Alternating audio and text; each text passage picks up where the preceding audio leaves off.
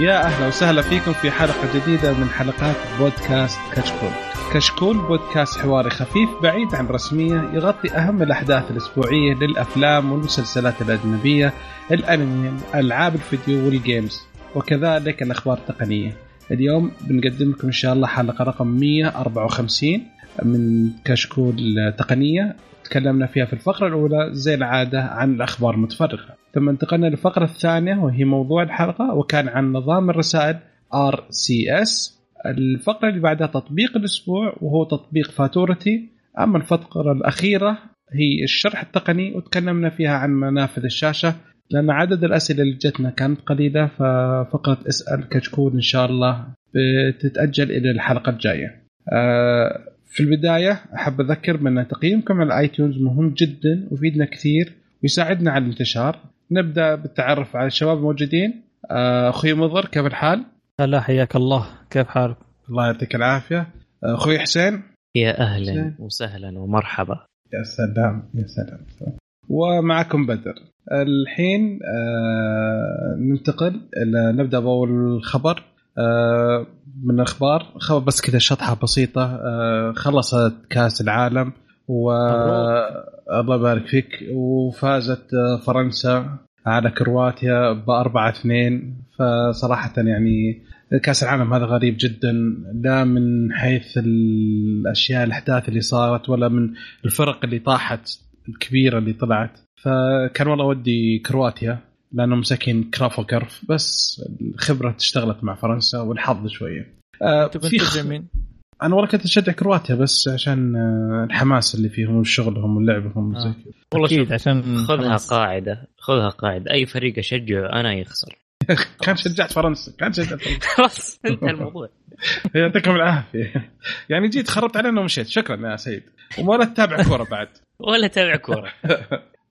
في خبر تقني سريع بالكأس العالم اللي هو إن آه كرملين أعلن بناء عن نقلا عن الرئيس الروسي فلاديمير بوتين إن إن روسيا صدت أكثر من 25 مليون هجوم إلكتروني وأعمال إجرامية ضد البنية التحتية المعلوماتية للبلاد خلال فترة المونديال اللي كان من 14 إلى 5 من 18 يونيو إلى 15 يوليو.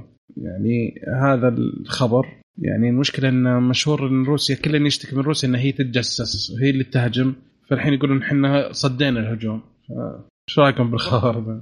والله والله أنا شوف أنا ما أستهين بروسيا بصراحة. في لا في برامجهم لا في عندك كاسبر سكاي أو كاسبرسكي ممتازين. عندك يعني في عندهم برامج حتى في الهاكر في الهاكر ما شاء الله ممتازين. سواء ال black hacker وال white hacker مجانين ترى. فأنا ما أستغرب. الشيء هذا ممكن يوظفوهم خاصة ال white hackers يوظفوهم في ذاك الموسم. ممكن. بس 25 مليون هجوم؟ كانت ترى الهجوم لو واحد صغير بس حيكون تنعد أيوه. معلش حسين معلش كلمتك حسين؟ لو واحد سوى هجوم صغير على مؤسسة صغيرة ممكن تكون تابعة للحكومة الروسية. بتنعد ترى. آه يعني أي شيء وأكثر ال... اي وأكثر شيء اللي راح يكون عليهم الهجوم السبام ذكرت وليد. آه يكون وحشك وليد اي وحشنا وليد والله. الله يش... يقوم بالسلامة. وعكة صحية منعته عننا صراحة. أيوه حبيبنا. المهم خلاص الحين خلص على قولنا المونديال. مو مشكلة. آه مضر تعطيني الخبر اللي عندك حبيبنا؟ عندي خبر بسيط بس آه في وزارة الصحة. أعلنت آه إنه بدء اول صيدلية ذكية بالمملكة تعمل عن طريق الروبوت. آه طبعا جربوها في آه الآن حطوها في مستشفى الملك فهد التخصصي في تبوك. طبعا هدفها آه تقليل وقت الانتظار. يصير صرف الدواء بس مجرد إنه يمرر الباركود على الجهاز يقوم ياخذ يقوم الروبوت يختار الدواء ويجيبه على طول. بالمدة المحددة مطبوعة بال بالروشتة كامل هذا ويعطوه مغلفة كاملة للمريض. حلو. فالآن التجربة طبعا حطوا ضغط عليها في المستشفى العسكري أعتقد أو أو مستشفى الملك فهد التخصصي في تبوك. واملا منهم إنه ينتشر إن شاء الله في حلو. طبعا مزايا إنه يصرف 1500 عبوة في الساعة وصرف 240 وصفه في وسط الروبوت. في الساعة بعد. في... حلو. نعم. 240 حلو والله الرقم. إحنا والله عندنا في بعض المستشفيات نواجه مشكلة في الصيدليه وبعضها سريع على حسب. على حسب الضغط هو يرجع والله شوف آه، المستشفيات الجديدة قاعدين يعتمدوا فيها نظام اللي هو اللي يكون الإلكتروني. أساسا الوصفة أنت لما تروح فيها للصيدلي بس يجي يدخل رقم الملف يكون طالع عنده آه، كل شيء إيش كاتب له الدكتور وكاتب له كل شيء. يجي يطبع يطلع لك يعطيك الدواء ويعطيك كل شيء مطبوع على على الدواء. بس هذا بس هذه المشكلة في مشكلة ثانية حبيبي. مو اغلب الصيدليات لازم شيك على الدواء مرة ثانية بعد الدكتور. إذا نعم. الدكتور غلط لازم أشيك عليها أنا كصيدلي. مو بس صرف. يعني الدكتور كاتب للموظف للمريض آه، حبة بنادول كل 24 حبة في اليوم. حيقول لك لا حبيبي هذا في شيء غلط وقف. فهذا المشكلة اللي يعني في اختصارات لو غلط فيها غلطة بسيطة يتغير الدفعة والجرعه وزي كذا. هذا اللي يتأخر. دائما تاخذ مشكلة طيب، تاخر إنه شيء يكون على في شيء غير بنادول؟ في شيء غير البنادول والأدول عندهم؟ لا في واجد. عندك. لا لا شوف هو في بعض هذا مستوصف الجامعة الله يذكر الدكتور بخير أول ما أدخل عليه يطلع لي علبه بنادول على جنب. مجهز يعني أنا جاهز لك. لا شو يعني هنا زي مثلا آه، لما تقول إنه صرف 200 وهذا في الساعة وتخزين أكثر من 20 ألف عبوة دواء آه مو معناها بس بنادول. إيه. آه معناه في ضغط في المستشفى ومعناه في يعني بما إنه تخصصي أكيد بس في, في حاجة أنت قلتها ممكن يعكس آه إيجابية الروبوت. أنت قلت إنه ممكن الدكتور غلط. دحين ترى هنا تعدى الصيدلاني. لما يروح مم. للروبوت على طول ترى يخلص من الدكتور على طول يروح للروبوت على طول يصرفوا الدواء صح؟ إيه. أيوه. ما فيها check ما, ما في ما حيكون فيها check ما في اي أوه بس أنا أكيد يعني قد يكون في نظام مثلا برمجة. يعني okay في واحد يكون check ويعطي الأمر clear وال robot هو يبدا يوزع. لأن الصيدليه معلش تشطحنا شوية. الله يعين هذا بدايتها. ف لأن في في أول شيء في واحد يشيك على على الوصفة. بعدين فيه يروح واحد يشيك على المخزون. الدكتور طلب وصفة 30 ملي ملي جرام. ما عندنا 30 ملي جرام أنا بعطيه حبتين خمس 15 15 عشان يتوافق فهمت؟ الدكتور قايل له لا 30 15 جرام وأنا ما عندي إلا 30 فبعطيه بقول له بشرح للمريض اكسر هذا وزي كذا. ففي كم خطوة تصير في الصيدلية عشان نوصل؟ فإذا كان صد يعني مثلا ال inventory يساعد. الدكتور بدأ قبل ما يطلب الدواء الكمبيوتر يعلمه ترى ما عندنا 30 عطى 15 على طول فيعطيه 15 يكتب له 15 على طول فهمت؟ فيصير أسرع ال update عشان لما يجي الدكتور يطلب يكون ال system عنده عارف إنه أول ما يدخل 30 يقول له ما في 30 فمثلا يكتب 15 يزيد الجرعة بدل ما حبه واحدة 30 يعطي حبتين 15 فاهم؟ فهذه يعني قد يكون يسا... هذا اللي يوفر وقت بسرعة أكثر لأن الكمبيوتر على طول حيسوي update للأنظمة الباقية كلها. أها okay؟ حلو. يلا آه، حسين تعطيني الخبر اللي عندك حبيبي. آه، مدى تستعد لإطلاق آه، خدمة مدى باي في المنطقة خدمة مدى باي اللي تكلمنا عنها زمان في فقرة في الحلقات السابقة تكلمنا عنها كثير طبعا كانت م. تطلع لنا أخبار وعقود وبعض المرات تصريحات وبعض المرات كذا في جلسة عشاء واحد يطلع كلام من جوا المفروض ما يطلع. ف الآن الموضوع خلاص صار رسمي آه، وحيطلق قريب. التطبيق آه، الآن شغال عند آه، العديد من الأشخاص موجود اللي تم إرسال لهم عن طريق الإيميل أو أكواد. حاليا هو فقط على أندرويد وقاعدين يتواصلون ويتخاطبون مع آبل على أساس يسوون التطبيق على أجهزة ال iOS أجهزة الآيفون مشكلتها في سياسة أبل نفسها اللي هو عندهم مشكلة ما عنده ما يسمحوا بشكل مباشر لأي تطبيق أو خدمة دفع غير أبل باي. فالآن عندنا في السعودية راح يكون مدى باي؟ مدى باي؟ مبني على أندرويد باي. مبني على أندرويد باي. تحدث إلى جوجل باي. أي خليني أوضح بس إيش هي مدى؟ مدى هي شركة حكومية هي المسؤولة عن تطوير القطاع الاقتصادي أو بالأصح قطاع البنوك في خدمات الدفع. في من ضمن. برضو الأشياء اللي مسوينها الآن موقعين عقد مع فيزا بحيث إنك تقدر تستخدم مدى باي برا السعودية. حلو. تقدر تدفع بحسابك البنكي السعودي بالفيزا حقتك السعودية وأنت مسافر برا. حلو. فهذه من ضمن الأشياء اللي آه، شغالين عليها. آه، طريقة عمله التطبيق آه، تطبيق عادي تسوي لك آه، تثبت التطبيق وتسوي لك آه، حساب أو تفعيل حساب بالأصح.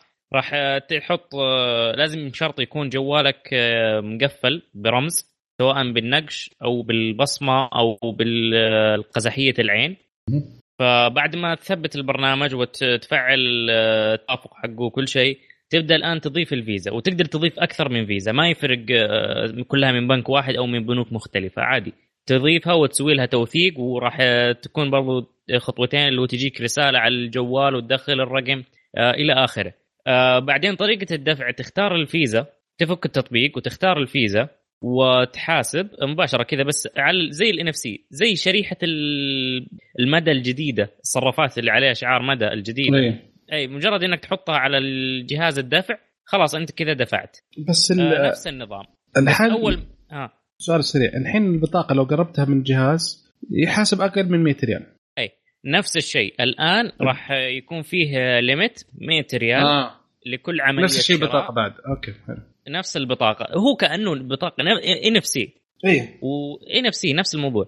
آه ما يحتاج انترنت حلو. مباشرة كذا بدون انترنت بدون GPS بدون أي شيء. عادي. ممتاز. ك- كأنه كرت كأنه كرت. لأنه خلاص هو كل شيء مخزن في ال- شريحة ال NFC اللي في الجهاز. عندك في الجوال مم. نفس شريحة ال NFC اللي موجودة على الكرت نفسه على كرت يعني- الفيزا. يعني إذا جاء جوال ما في NFC ما تشتغل عندك أيوه. جوال ما في غالبا NFC ما الجوالات. كلها صارت NFC ما لا والله لا والله. آه في آه، جوالات آه حتى في جوالات من ال flagship ما فيها NFC نعم. أقل شوي تلقاها. أعتقد إن في اونر في كم جهاز عندهم ما شايلينها. ال جي شالت كم عن الكيو 6 ما أعتقد ما في. زي كذا مواصفات الأجهزة اللي قل شوي عشان يقللون سعرها. بس غريبه مع إنه هي تعتبر زي ال chip يعني شيء بسيط جدا. ما ياخذ. صح. طيب آه، بس عشان ما أعرف آه، ما- عشان نعرف بس المدى مهم. آه هذه موجودة بس فقط في أندرويد صح؟ حاليا أي حاليا بس آه. في أندرويد. قاعدين يخاطبون مع Apple على أساس يسووا التطبيق عندهم. عارف سياسة Apple النفسية في كل شيء. لا آه في برنامج آه، في Apple اسمها مدى لوب.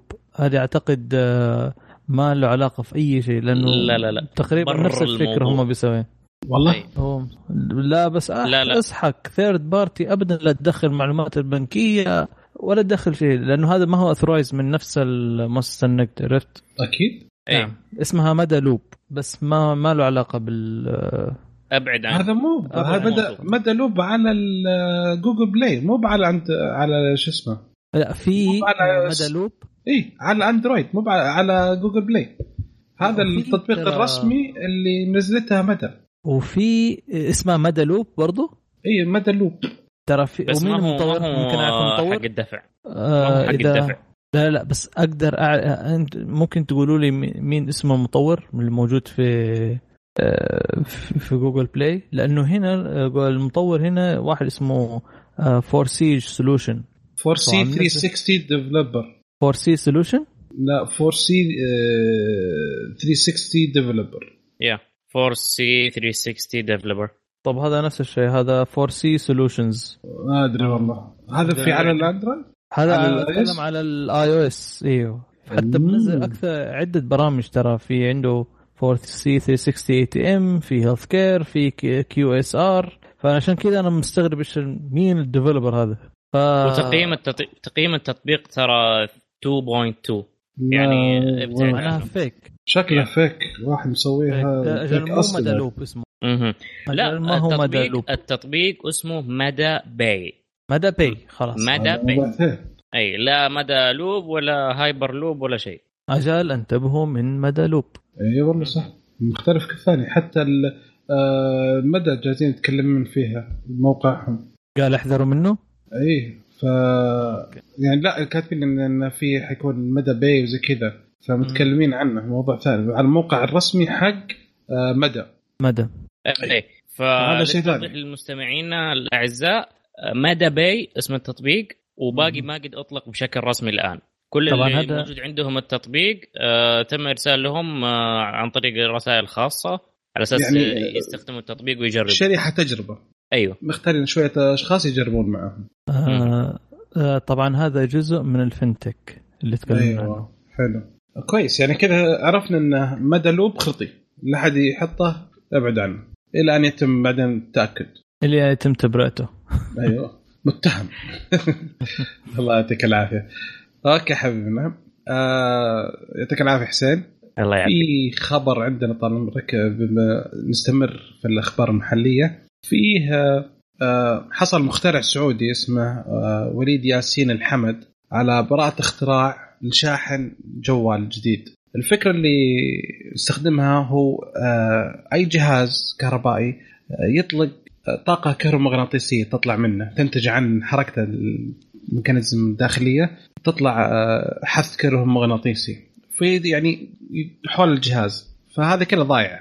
ما يستفاد منها. فهو اكتشف طريقة أن يستفيد منها عشان يحولها اللي خصوصا كل موجات الراديو اللي حولها على الأجهزة يحولها يأخذها من الهواء ويحولها لطاقة كهربائية يشحن فيها جوال. فما حيحتاج أي مصدر المصدر هو كله تحويل كهرومغناطيسي من حث إلى آه، يمر على محرك مغناطيسي وهذا المحرك المغناطيسي يدور فيطلع الطاقة والطاقة هذه تروح شحن تشحن فيها جوالك. أو جهازك آه اي ما شاء الله. أخذ الفكرة وأخذ الاختراع ما شاء الله عليه. ولها فترة هو بس شغال تطوير. الاختراع كان من 2015 بس الحين طور آه بروتوتايب أو نموذج جهاز أولي. نموذج أولي للجهاز وشغال وناجح. فهو إن شاء الله يعني هو إن شاء الله يقول على كل الثقة إن الجهات المعنية بتوقف معاه إن شاء الله في عشان تطوير اختراع عشان يتعدى مساله شحن الجوال إذا الطاقة تأثر في حياة الناس كلها بشكل أكبر بعد. وعلى نعم. على أصعدة عده مو بس نتكلم عن جوال يمكن نتكلم عن إضاءة نتكلم عن مباني نتكلم عن زي كذا. فشيء كبير جدا صراحة حلو الله يعطيه العافية. آه معليش سؤال بالنسبة لل آه لبراءة الاختراع. هل براءة الاختراع هذا يشمل هنا بس في السعودية ولا يشمل في العالم كله؟ لأنه أذكر مثلا زي الصين تعمل براءة اختراع في الصين وتعمل براءة اختراع مدري فين في, في أوروبا وبعدين تروح عند أمريكا تعمل لها براءة اختراع. فعندها عدة براءة اختراع في عدة دول. فهل الدكتور أو, آه، المهندس اللي سوى الاختراع هل آه، أو أو براءة الاختراع هنا في السعودية هل تعمم في العالم كله ولا بس والله هنا في السعودية؟ يا حبيبي آه، في صورة من براءة الاختراع اللي عندنا ومكتوب فيها التصنيف الدولي IPC محطوط له H02J 1700 وفيه مرجع مدري شنو رقم رقم US رقم رقم US. فأعتقد إنهم مربوطين مع الأمريكان. Okay. يعني عالمي ما مكتوب التصنيف الدولي فأعتقد انه خلاص. صح؟ وصل من مدينه الملك عبد العزيز العالمي للعلوم التقنية. ف... ما شاء الله. okay. نعم. حلو. آه مضر بما إنك سألت عطني خبر من عندك أنا عشان تعرف من فهد آه. آه والله يا أخي خبر آه يعني الواحد يقهر منه. في موظف آه سابق في شركة Apple آه سرق أسرار آه تجارية وفنية من الشركة وحطها طبعا في في الجهاز. وكان على أساس إنه استقيل ويفلت بجلدي إلى الصين. طبعا آه، طبعا الشخص صيني هو أو يرجع من أصل آه، صيني. آه، اسمه شياو لانغ تشانغ. لا صيني أصلي. إيه كيف؟ قبائل أيوه. فجاء على أساس الأخ بيفقع للصين فمسكوه في مطار سان خوسيه. آه وبحسب إنه ال ال الأخبار آه إنه سرق معلومات فنية كثيرة عن آه عن السيارة أو السيارة اللي كانت بتسويها ابل فهذا يثبت طبعا كان سمعنا إشاعات كثيرة إنه أبل ممكن إنه شغالة تشتغل في سيارة ذاتية الحركة أو ذاتية القيادة. آه طبعا هذا التقنيات اللي سرقها كلها تتعلق بالمركبات ذاتيه الحركة أو جزء من كبير منه آه وبس كان ينسخ ملفات سرية واكتشفوه. وكان على أساس إنه حيرسلها لشركة اسمها شركة في شركة آه، في الصين اسمها شركة X Motors أو حاجة زي. اي و خسارة الحمد لله للبشرية. إنه مسكوه الحمد لله. يعني يعني وقف المشروع حق السيارات في هو على فكرة أتذكر إنه وقف المشروع. آه، لكن آه، هذه تعتبر آه، أشياء آه، براءة اختراع. أعتقد أخذوا فيها براءة اختراع بعض التقنيات اللي هي ذاتية ال أو تتعلق بالمركبات ذاتية. الحركة. أوكي. تمام. الله يعطيك العافية. آه حسين تعطينا خبرك. في عندي خبر كذا حيكون صادم للجميع. أيوه. في. خبير في خبير أمريكي تمام كذا خش على العيار الثقيل. يقول لك فيسبوك وجوجل كل الأبحاث اللي قاعدين يسوونها كلام فاضي وخرطي وشغالين على عمى. أمريكي يقول خرطي؟ أيوه كمل. أيوه من جد. يا بسيط طيب وش اسم هال هالاخ ورطك صح؟ آه اسمه أيوه. حسين سايمون ديدو. طاحر. حسين ألو؟ آه، أي إيه. آه شكلي طحت في البير. اي آه الوش سايمون آه سايمون آه ديدو. ديدو. اسم الرجال؟ أيوه. سيمون ديدو؟ أيوه. كذا كذا فرنسي يصير مو اي مع الفوز حق كأس العالم عارف؟ أوكي. حلو. طيب. فالرجال قاعد شغال في تويتر وقاعد يقول هذول شغالين كذا من غير سنع. شغلهم ملخبط جاي جايبين ناس آه، طلاب علماء ما هم جايبين علماء عشان يوفرون فلوس ما أدري إيش. المهم الرجال شغال فيهم تقطيع. فايش رايكم؟ أكيد ك- يقصد إن شركات تطور شيء الهدف والمعا المعامل الخاصة والمدارس الخاصة تطور مصلحة البشرية فهذا الاختلاف الدائم بينهم أو ما لقى وظيفة عندهم طارت هنا بس لأنه انه في ناس كيف؟ يقولون يعني كيف يقول ما يخترعوا كيف يقول إنه ما عندهم براءة اختراعات مو هذا- مسألة لا، لا, لا، هو هو مش. يقول لك. يقول لك التعلم ماشين ليرنينج أو تعلم الآلة Okay. آه إنجاز رائع كصي... كهندسة بس مو مو بعلم فهمت؟ قاعد يقول إن الشغل. اللي يسوونه مو هو بعلم اي يعني أنت بيسوونه ما هو لمصلحه البشرية إي. وثاني شيء ما في تطور من 20 سنة نفس الشيء يعني تتعلم تعلم بس okay ما في شيء جديد ما طورته في أساليب التعلم ما سويته ما سويته زادت قدرة الأجهزة لأن زادت امكانيات الكمبيوتر فقط لا غير. بس ما في شيء جديد. صدقني صدقني هذا يا طردوه يا إنه ما قبلوه في الوظيفة وبس. ولا ما عندي شيء. اي والله شوف أنت يعني زي دائما في دائما كم مرة يقول لك زي ما الأفلام الأفلام. لما يكون ال- المختبرات ال- أفضل شيء للتطور هو الحروب على قولهم اللي يسرع عجلة التطور كثير دائما الحروب عشان.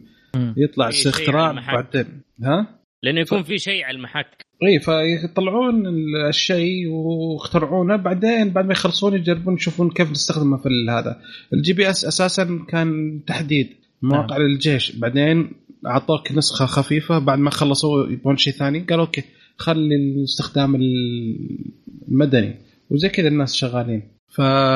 فالشركات ال- المعامل الشركات هذه خاصة لما تبغى تطور تطور شيء يساعدها لبيع منتجاتها. المختبرات يبغى بس يعني المدارس الم- العلمية وزي كذا. هدفها تطوير مش ما لها في هدف ثاني وراها. ما تستفيد أصلا يجيها هي تاخذ آه، تبرعات من برا فما حتى يعني ما عندها مشكلة ما في عندي خبر كذا شاطح شوية عن. بما انكم تكلمتوا عن فيسبوك و. آه وجوجل آه يقول لك في فيسبوك وظفت واحد آه كان شغال في جوجل في صناعة الش- الشيبس أو صناعة المعالجات مم. بس هذه هل راح نشوف معالجات من فيسبوك؟ عشان شغلها هي لا فيس فوس فيسبوك آه، لا فيسبوك هي أصلا ما تسوي معالجات لكن إنه وظفت آه عندها بالمختبرات عندها. أجهزتها عندها كل شيء تحتاج معالجات أيوه طبعا okay بس طيب هل- هل- الذكاء هل- الاصطناعي هل- حقها هل تحتاج. هذا تصنيع يا شباب عندها الذكاء الصناعي اللي يعتمد على القراءة على التجديد وعلى البحث وزي كذا يعني لما يأخذون معلومات يحتاجون معالجاتهم بعد صح ولا لا؟ فهم يطورون. معالجاتهم لنفسهم آه. زي إذا أبل. كانت طورت لنفسها ما تحتاج ما تبغى ترتبط في احد إيوه ابل hardware software فيسبوك software جوجل إيه بس- بس شغ- okay. semi hardware إي بس الحين أنا- الحين أنا كجو أنا ك ما ك- شو اسمه؟ كفيسبوك أبغى برنامج أبغى جهاز عشان أبغى أركب عليه الذكاء الصناعي اللي أنا سويته عشان يقرأ لي يعرف لي الترند ويعرف لي آه وش توجهات المستخدمين وش الأشياء وش الأشياء اللي ممتاز. هذا. فأنا بطور شيء. فأحتاج إن يكون عندي hardware صح ولا لا؟ ممتاز. تعمل ممكن cooperate تطور نفسها. هي معالجات. مظبوط. أنا هذا اللي اعرف انه تعمل cooperate مع شركة مثلا زي IBM أو آه، الشركات الكبيرة دي حقت اللي تعطيك ال hardware اللي هي pure hardware متخصص hardware اني anyway بس هي هذا خبر شاطح شوي. Okay. Alright alright خلاص okay. آه في عندنا خبر. آه قبل فترة آه طلعت في شكوى كبيرة عن ابل بخصوص آه مشاكل آه الأزرار أو المفاتيح لوحة المفاتيح تع- تعلق آه تعليق المفتاح. في بعض الفترة آه، بعض المفاتيح ما تشتغل بعضها تعلق بعضها زي كذا. فنزل تحديث لخطوط ال MacBook Pro كاملة. آه، تحدث فيها المعالجات وتحدث فيها الرامات إلى الاجيال الجديدة. آه، المعالجات تحدثت الجيل الثامن آه، من إنتل معالجة إنتل. وتعددت بالرامات بعد صارت أسرع في ال DDR4 واكتشف موقع اي فيكس ان ال- النسخه الجديده من اللابتوبات اللي نزلت تحديث 2018 إن تحت كل مفتاح فيه آه، زي ال- آه، وش يقولون يا ربي آه،؟ غطاء سيليكون. سيليكوني اي. غطاء السيليكون اي membrane سيليكوني يغطي الزر ويغطي ال mechanism حق ال butterfly عشان لا تخرب فهذا نوع ما حل ابل المشكلة حقت المفاتيح استنوا لين ما صار في فكرة نسخة جديدة من الاي iMac ال MacBook Pro عشان ينزلون فيه تحديثات تصدق أنا لسه ما وديت ال Mac حقي. اوف لسه؟ خربان كله ولا لسه؟ لا هو ما خرب عليه لسه. يعني محافظ عليه يعني. كويس. لكن آه، طالما عملوا له استدعاء فأبغى أروح أشوف والله. أكيد. يمكن يغيروا لي سيليكون. أكيد. هو يغير يغير لك ال keyboard كامل. ما عندي مشكلة. ممتاز. حلو. عطنا انظر إلى الإنجاز انظر إلى الإنجاز ال- العظيم الهندسي سريع سريع. للطبيعة. وشو؟ اللي آه، مدري إيش آه، عندهم مشكلة في ال butterfly إيش يخش غبار حط سيليكون. طيب ما تحط سيليكون من البداية يا أخي. عادي ترى الأخطاء التصميمية واردة. هذا يعتبر خطأ تصميمي لا ولازم. ها- بودكاست كشكول يشجب ويندد بهذا الخطأ العظيم الفادح. نعم أنا أعترف. شفت أنا شوف شوف حبيبنا. آبل كانت معروفة إن excellence قمة في الإتقان. ما يطلع جهاز إلا 100% بس الحين شكلهم بدا شوية يضيعون شوية. الجوده نزلت شوية عن أول. محتاجين يجيبون حبيبنا هذاك اللي في الخبر اللي قبل شوية. سيمون. سيمون. ديدي أيوة. يروح يطب بطنهم. آه، والله يحتاجون ستيف جوبز خل عنك بس. هو اللي كان. أول مرة ماسك، آه، على قصة اللي شو اسمه أول ما جابوا له ال iPod قال لا كبير. قالوا ما نقدر نصغره. قال لا تقدرون قال ما نقدر نصغره. أخذ ال iPod ورماه في حوض سمك. طلعت فقاقيع. قال شفته في مكان تصغرون يلا. طلعت فقاقيع يعني في مكان في space روحوا صار أعيد التصميم. هذا الكلام. okay حبيبنا. مضر؟ آه في خبر آه بس سريع كذا عن آه جوجل. أيوه. آه الآن جوجل آه في مشكلة ولا شيء يعني لا بالعكس الآن آه، نزلت. آه feature المفروض؟ ال fanboy آه. طلع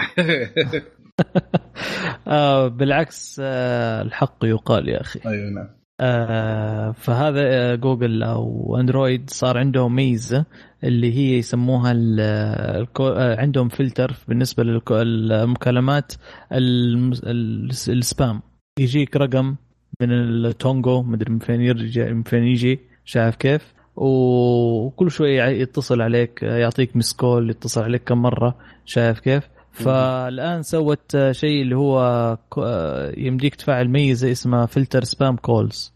أو caller ID and spam تفعلهم. هذول الاثنين يصير خلاص أي مكالمة منهم أو يقوم لا يعطيك أصلا missed call ولا يعطيك إنه هو أصلا جاء خلاص يقوم يفلتر لك إياه ولا عاد أحد يستق... يعني ما تستقبل المكالمات هذه مم. لا هو ولا ال voice note طبعا ال voice mail طبعا ال voice mail أعتقد يعانوا منها في أمريكا آه، يحول على الناس- الفويس ميل أيوه يحول هو يحول على voice mail أنا أتذكر إنه في بعضهم حتى لا في بعضهم آه، آه، حاطين في خدمه يعني option إن إذا ما دقيت حول على إذا ما رديت. حول على زي الجوال مقفل، حول.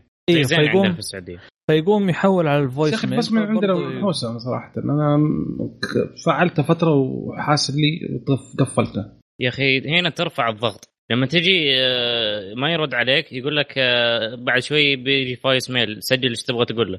إيه. تمام؟ يسحب منك فلوس. خلاص؟ وهذاك أصلاً. منه. وقفل. خلاص قضيت. أي. لين ما- يجي هذاك يقول لك في عندك voice mail تبغى تسمعها ادفع فلوس. ولما تسمع تسمع ت- ت- ت- هذاك. مقفل. ما في أي خير ما في أي فائده وهذا خلص يجيك بديل عنها اللي هو ال voice note اللي هو في ال- السناب شات أو ال voice.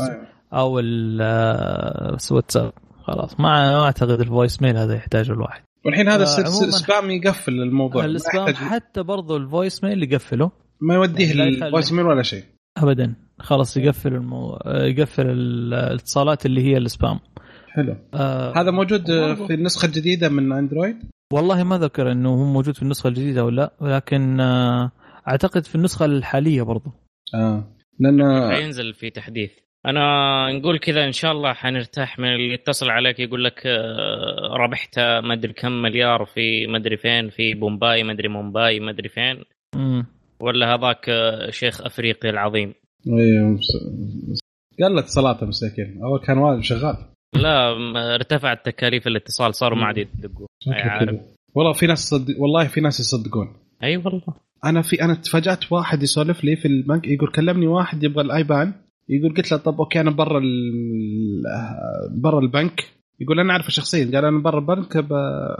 لما أوصل البنك إن شاء الله بعطيك الخ... هذا. يقول وما مداني أروح البنك انشغلت. يقول قابلته بالليل ولا الرجال جايب معه اللابتوب؟ قال ها تقدر تطلع لي ال IBAN؟ قال لي بدق لك على الشباب ويطلعون لك ال IBAN. قال كويس. يقول فتح اللابتوب وفتح الايميل وشغال ويناظر يقول نظرت كاتب اسمه ورقم احواله ورقم حسابه في البنك ورقم السري حقه ورقم السري حق الاتصال الهاتفي وكل شيء. إيش بقى؟ إيش هذا يا سيد؟ باقي يكتب ال IBAN. إيش يا سيد؟ قال لا واحد يبغى يرسل فلوس وأنا أبغى قال يا عمي هذه هذه تبغى تروح في مصيبة. راح سلم على أهلك وودعهم وارسل إيميل. خلاص نعم. لأنه ما حتطلع من السجن. يقول والله جالس الرجال خلاص مجهز بس يبغى ال IBAN. يعني لو يقول اعطيته ال IBAN الظهر. كان أرسل. فمصيبة. يا ساتر. آه والله مصيبة. والله هم هم آه، هذول اللي يتصل عليك وحقين ال- آه، الفوركس. مم. مشكلة في ناس كمية. ناس تصدق. إلا تشترك. على سالفة الجوجل مال جوجل آه، في موقع خدمة آه، هواوي آه، كلم واحد يسأل اتصل واحد يسأل عن مركز المساعده خدمة عملاء في هواوي إن في في مشكلة عنده وزي كذا في الأندرويد حقه. فقالوا في التحديث الجاي الأندرويد pistachio حيكون في تعديلات كذا. من المعروف إن جوجل إلى الآن ما أعلنت وش التحديث الجديد. النظام الجديد اللي حينزل أعلنوا إنه هو بس ال P حرف ال P إنه هو ف pistachio اللي هو الفستق وبالعادة هم يحطون أسماء حلا فهذه مكسرات. فيمكن pistachio ice cream ولا soufflé. pistachio اللي هو الصوص حق اللي نحط على ال ice cream. ممكن. فهذا بس معلومة بسيطة. لا. زلت آه، مصر على ال peanut butter peanut والله ما عندي مشكلة أنا موافق. ازين من ال pistachio ما أحبه. pan- pancake. pancake. okay ليش لا؟ ليش لا؟ آه. معمول. لا ما في معمول. P شبك. P حلقوم. آه، لا حلقوم خلاص. P يا سيد. حرف ال P ما في حلقوم يا سيد. عطنا عطنا الخبر اللي عندك الله لا يهينك. okay. آه يوتيوب راح يطلقوا قريب إن شاء الله أداة جديدة لصناع المحتوى. اللي هي تقول لهم إذا في أحد آه، سرق فيديوهاتهم ورجع آه، أو محتواهم ورجع رفعه على يوتيوب مرة ثانية. مم. الأداة تمسح جميع المحتويات اللي تق... مو تمسحها يعني تحذفها لا لا آه، تقرأ المحتوى الجديد اللي يتم رفعه وتقارنه بالمحتوى الموجود سابقا على اليوتيوب. أوه. ف... ولما تشوف في محتوى مشابه أو محتويات متشابهة تقوم تشعر راعي القناة اللي رافعها أول مرة. حلو. فبالتالي آه، على أساس تقلص من آه، عملية آه، سرقة المحتوى. في الفترة الأخيرة صراحة أنا قاعد أشوف أن سياسة يوتيوب قاعدة تتسبب في كيف أقول لك في أن المحتوى يصير تافه على يوتيوب تافه؟ ليه يا حبيبي؟ فعليا يا أخي يا أخي أنا سويت. أنا سويت؟ محتوى أنا الحين سويت محتوى وتعبت و... وسافرت لا ورجعت لا لا ويجي واحد ياخذه ويحطه على قناته ويرسل لي أنا وش أستفيد؟ لا لا لا, لا, لا ما, ما قصدي على سرقة المحتوى أنا. ها. أنا أقصد سياسة يوتيوب في آه، سياساتهم الثانية في المحتوى نفسها. اللي هو مثلا آه، عندك آه، حق الموسيقى ما الموسيقى والبلاوي اي حق. الموسيقى اللي ينزل يوميا مثلا. عندك اللي ينزل بشكل يومي فيديوهات كثيرة. آه، قناته ترتفع آه، اللي هو يوتيوب توصي بقناة بفيديوهاته أكثر للناس لأنه قاعد ينزل بشكل أكثر. اللي ينزل فيديوهات طويلة نفس الموضوع. فيديوهاته قاعدة تطلع للناس أكثر من اللي ينزل فيديوهات قصيرة. فأشياء زي كذا. على طار ال- الموسيقى آه، في في الإنستغرام تقريبا الآن في ال story حق الإنستغرام إذا أحد كان مشغل محتوى موسيقي في الخلفية يقدر يطلع لك إيش الأغنية. بس آه، للأسف آه، ما هو مفعل عندنا في ال Middle East يعني حتى لو كان عندك واحد ضايف واحد أجنبي أو واحد عايش في الغرب مثلا أو في أوروبا وأستخدم الخاصية هذه تجيك في البداية كذا المحتوى لا يعمل عندك لأنه محجوب. أنا في سمعت واحد آه، من بأمريكا عنده قناة آه، منعت القناة الموسيقى هو مؤلفها والموسيقى إيه. باسمه ونزلها في قناته وقالوا لا أنت ما عندك صلاحية الموسيقى هذه آه، تقريبا كان مشكلته مع الناشر. هذا المشكلة طيب هي حقتي. ده تصميمي أنا. هم معتبرينها مو حقته هو معتبرينها حقة الناشر. آه هذا مصيبة. طيب كمان يعني. حسب التوقيع بينك وبين الناشر. مم. يمكن يقول لك ما تنشر حاجة إلا ب... عن طريقي أنا. يعني أيه. مثلا في عندك آه، آه، مغنين المغنيين هذول اللي ما هم مش مرة مشهورين يعني عاديين مشهورين في اليوتيوب. فما يقدر آه، ينشر. عنده حساب في حسابه الخاص وعنده حسابه اللي هو مع الناشر لكن أغانيه كلها في مع الناشر هناك. ما يقدر يحط أي شيء في حسابه. أوكي. حلو. الله يعطيكم العافية. في شيء ثاني شباب؟ أوكي. ننتقل للخبر اللي بعده. آه مدير شركة مايكروسوفت آه آه، براد سميث يقول إن تقنية التعرف على الوجه لازم آه يكون لها تقنن عن طريق الحكومة. آه لأنه يقول إن صارت بمرحله وصلت إن آه لازم تحدد لها شروط والانماط اللي تستخدم ومتى مس- مسموحة وزي كذا. لأن في قبل فترة صارت في مشكلة يعني صار فيه رد فعل من بعض الجمهور إن امازون استخدمت التقنية هذه في محلاتها في إحدى محلاتها في إحدى الولايات. يتعرفون على آه، الوجه. من عشان يعرفون وش اهتماماتك فيعطونك دعايات تتعرف عليك وزي كذا. وتعاونت مع الشرطة في إنهم لو واحد من ال... تعرف على شخص مطلوب فإن على طول يبلغون إنه ترى تعالوا الرجال معنا في الشر... معنا في المحل تعالوا خذوه. ففي بعض الناس يقولون يعني أول شيء هذا ازعاج أنا بدخل وتلحقني الدعايات. زي فيلم Minority Report حق توم كروز تمشي والدعاية تجيك وراك يا فلان وفلاني ترى عندنا عرض لك وزي كذا. فكل تتغير الدعايه على حسب الشخص. فهو المدير يقول لازم مدير شركة مايكروسوفت يقول لازم يكون في آه، شروط ولازم تحدد يصير فيه تحدد أو تقنين للتقنية إنها تتعرف لأن صار عارف تتعرف أي وجه مصيبة ما في أي خصوصية لك. هذا كلام. إيش رأيك برا؟ البيت ما في أي خصوصية. هذا يا رأيي. عمي والله في بيتك وفي سريرك آه، ما في خصوصية عاد برا. خلاص بقول ولا زمن كانوا- الخصوصية ولا.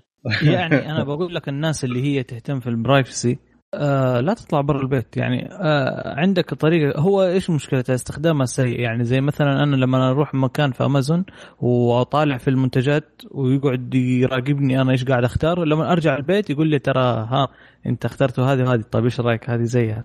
هذه عليها خصم يا أخوي. طبق إيه. هذه هذه اللي تحسها شوية إيش؟ من جد إنه لاصق فيك. هذا أنا ما أحب ال- التسويق باللصقة كذا ما أحب إلا لو تشتري.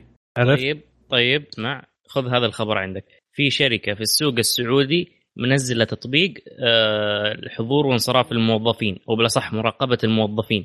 التطبيق هذا آه، بال GPS يتبعك. أنت في الدوام ولا طلعت برا الدوام؟ يا الله. لا يا شيخ. ارسلته لك يا بدر ترى. يا الله أودي القسم ال IT عندنا يدعون عليه كل المستشفى. لو وص- لو وصل الخبر. لهم لا والله. في واحد عندي حيحب البرنامج. هذا. البرنامج هذا فعليا كذا يتجسس عليك. أنت في العمل إيش قاعد تسوي؟ على جهازك ولا قاعد تشتغل؟ آه، أنت طلعت. برا الدوام ولا لا؟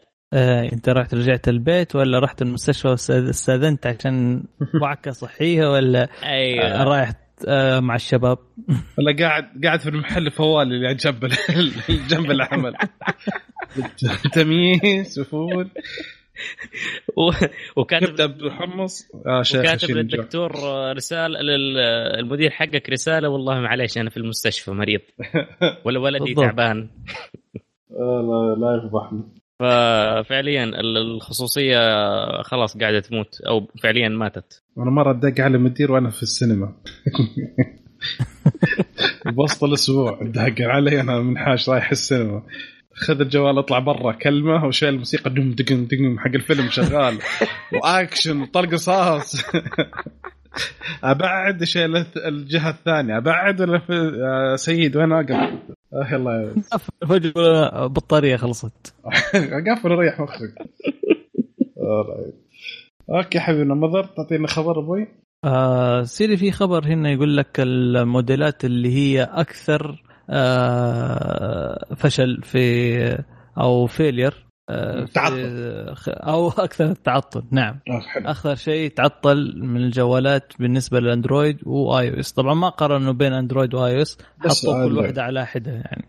أوه. آه طبعا number 1 أخذها إنه top Android manufacturers by failure rate هذا ترى في أواخر 2017 حلو.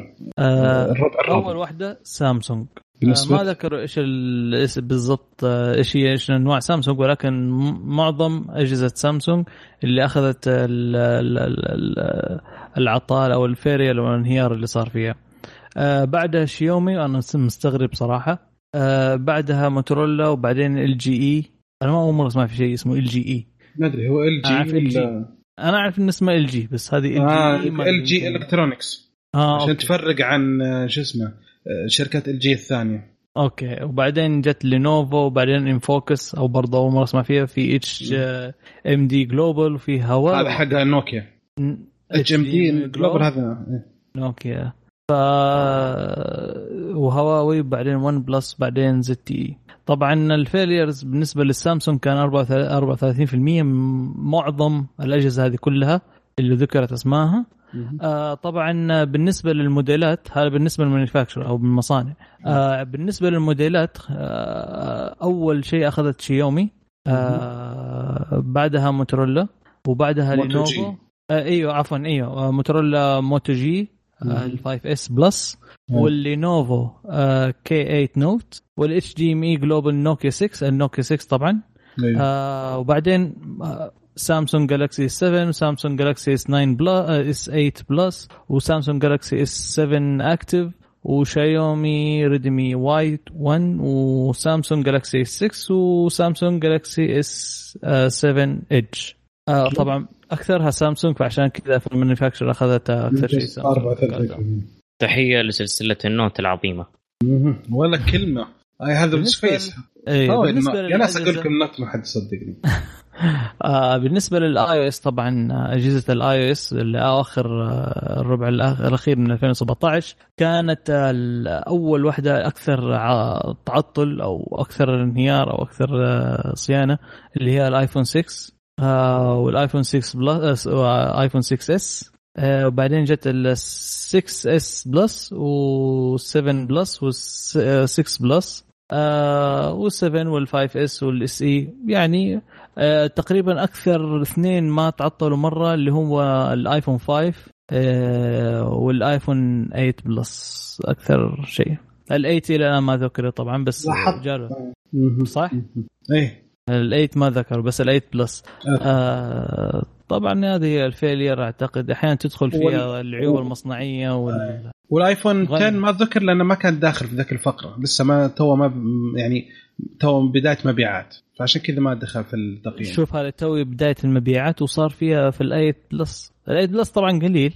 آه نستنى التقرير مثلا اللي بعد سنة أو سنتين حيجيك إن شاء ال... أو نهاية السنة إن شاء الله السنة هذه. حلو. الله يعطيك العافية. حلو حلو. عندك آه، تعليق آه، أخوي حسين؟ ها؟ لا ما- عندك ما تعليق. طال عمرك ما في شيء ما في شيء. آه، لا في كان بخاطرك تقول شيء عن سامسونج. آه لا بس آه، ال Note كويس عندها قلم. ال Note عارف؟ كويس. إيه، لاحظ لاحظ حاجة إنه ما ذكر ما جابوا سيرة سوني. سوني؟ أصلا في حد يشتري سوني يا سيد؟ في- بس ما صار في. في في فيلير من العشرة manufacturers هذه. ما بس-.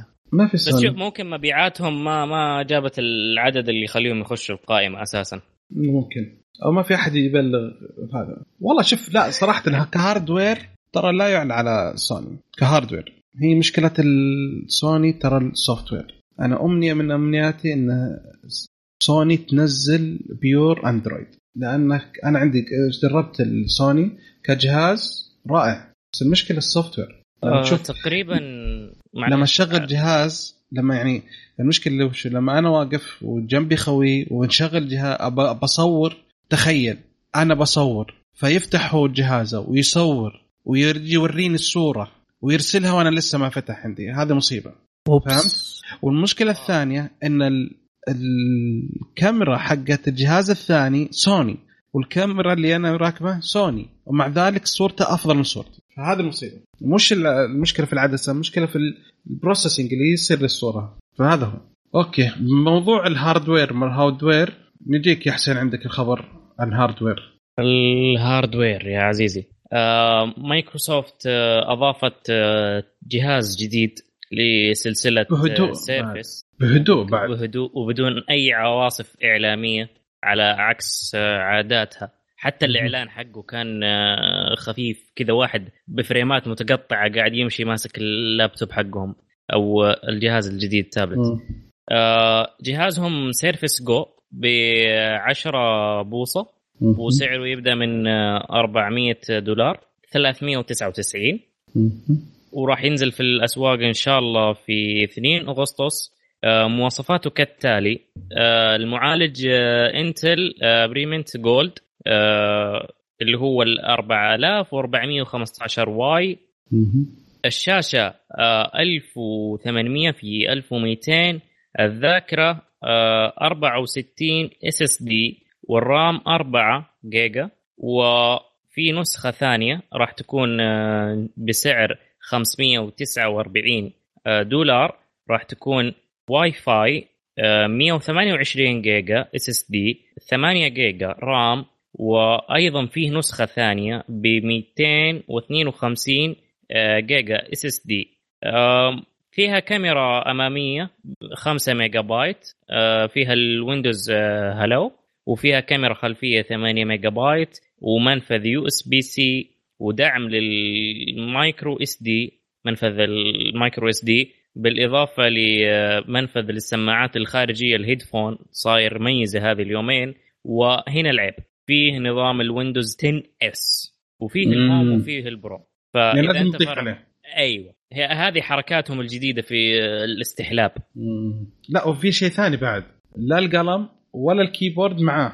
القلم ب أي. 100 دولار وال keyboard ب 150 دولار وتبغى Windows آه، شو اسمه ال Windows العادي Windows 10 آه، سعرها تقريبا حول 80 دولار وجمع. يعني تتكلم 200 300 دولار فوق ال 300 فوق ال 400 عشان يجيك جهاز. هذا أقل شيء لسه ما تكلمنا عن. ال full أي قاعدين يحذوا حذو كذا جايبين آه، شركة إحنا عارفينها ها شركه. شر- شركة خضار إحنا عارفينها. أي شركة لا شوف دامجين شركتين. شركة فاكهة. أيوه. جايبين شركة فاكهة وجايبين شركة حروف حق ألعاب. أي. مع بعض. عرفناها. أي عارف؟ اي اي اي والله غريب. يعني أنا أول صراحة أول ما شفتها انهبلت. على السعر على الشيء زي كذا قلت والله حلو فكرة. أنا كل شغلي iOS قلت خلنا اجرب إن نبعد شوية هذا. بس يوم شفت لقيتها 800 دولار تقريبا على أو أقل شيء عشان نوصل مرحله too much ما بس شيء. المعالج ترى حتى دون ال i3 يعني إيه. استخدامات التابلت هذا راح تكون آه، تحرير ما تحرير تحرير كتابي يعني بس. Windows أي اي شغل ال Office. يعني هذا ممكن Office. نقول إنه هو منافس للابتوبات Acer اللي سأل عنه صديقنا. اي نعم. أي. حلو. الله يعطيكم العافية. آه أنا أول ما شفت الخبر ترى فرحت قلت لنا أبل منزلت سعر ال iPad إلى تقريبا شو اسمه إلى 300 وشوية بعد نفس السعر. فهذا منافس مباشر لها. بس ابل المعالج ال top ونسخة واحدة ما في نسختين. يعني بس تحتاج ال keyboard إذا تبغاه والقلم. وتقريبا نفس اسعار آه هذا ترى المعالج نسخة واحدة. مو بنسختين في خيارات لا, لا نسخة واحدة. لا نسخة واحدة المعالج. يا أجل بس خيارات السعة.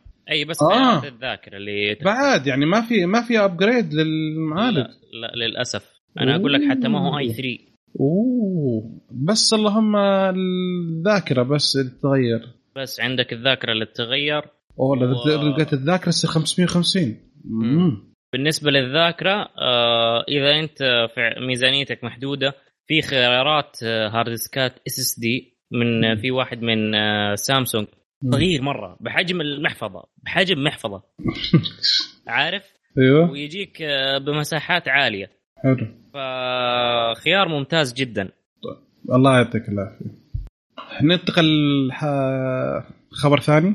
ننتقل ليش لا؟ في علماء في نيوزيلندا استطاعوا إنهم يصورون أول صورة أشعة سينية ثلاثية الأبعاد وملونة. يعني توضح الفرق بين العظم والعضل والغضروف. يبين كل شيء حتى حجم الأورام السرطانية وموقعها على كل شيء. ففي فرق كبير جدا حيصير. يعني واو. انتقلت الصورة إلى بعد خيالي. تخيل لأنه زي الأشعة المغناطيسية. تشوفها ملونة.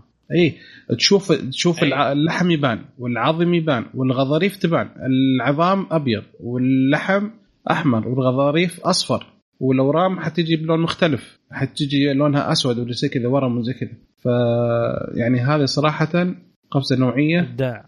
إبداع جدا صراحة. هذه توفر كثير لأن الأشعة السينيه بعد ما تخ... بالعادة لما ما ما تكون واضحة يحولون لك مثلا إلى أشعة مقطعية أو أشعة مغناطيسية.